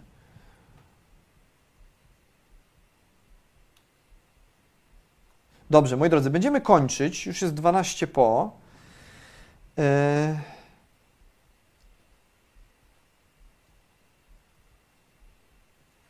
czy może Pan zrobić wykład o największych bezkręgowcach, praważce, wiju roślinożernym? Myślałem o tym, myślałem, no pomyślimy, zrobimy. Mówię Wam, najpierw trzeba zrobić te wszystkie tematy, które Wam obiecałem, że będą, więc zaczniemy po nowym roku od wykładu o metodach izotopowych, geochemicznych w paleontologii. E, brzmi może tak bardzo ściśle i nudno, ale na pewno się Wam spodoba, gwarantuję. Dobrze, moi drodzy, mamy grubo ponad dwie godziny, więc będziemy kończyli, e, bo już czas. Bardzo pięknie Wam dziękuję za to, że byliście ze mną tutaj od października. Tym wszystkim, którzy byli od e, kwietnia, to również podwójnie dziękuję. To jest ostatnie spotkanie środowe z dziejami Ziemi w tym roku, nieszczęsnym roku 2020.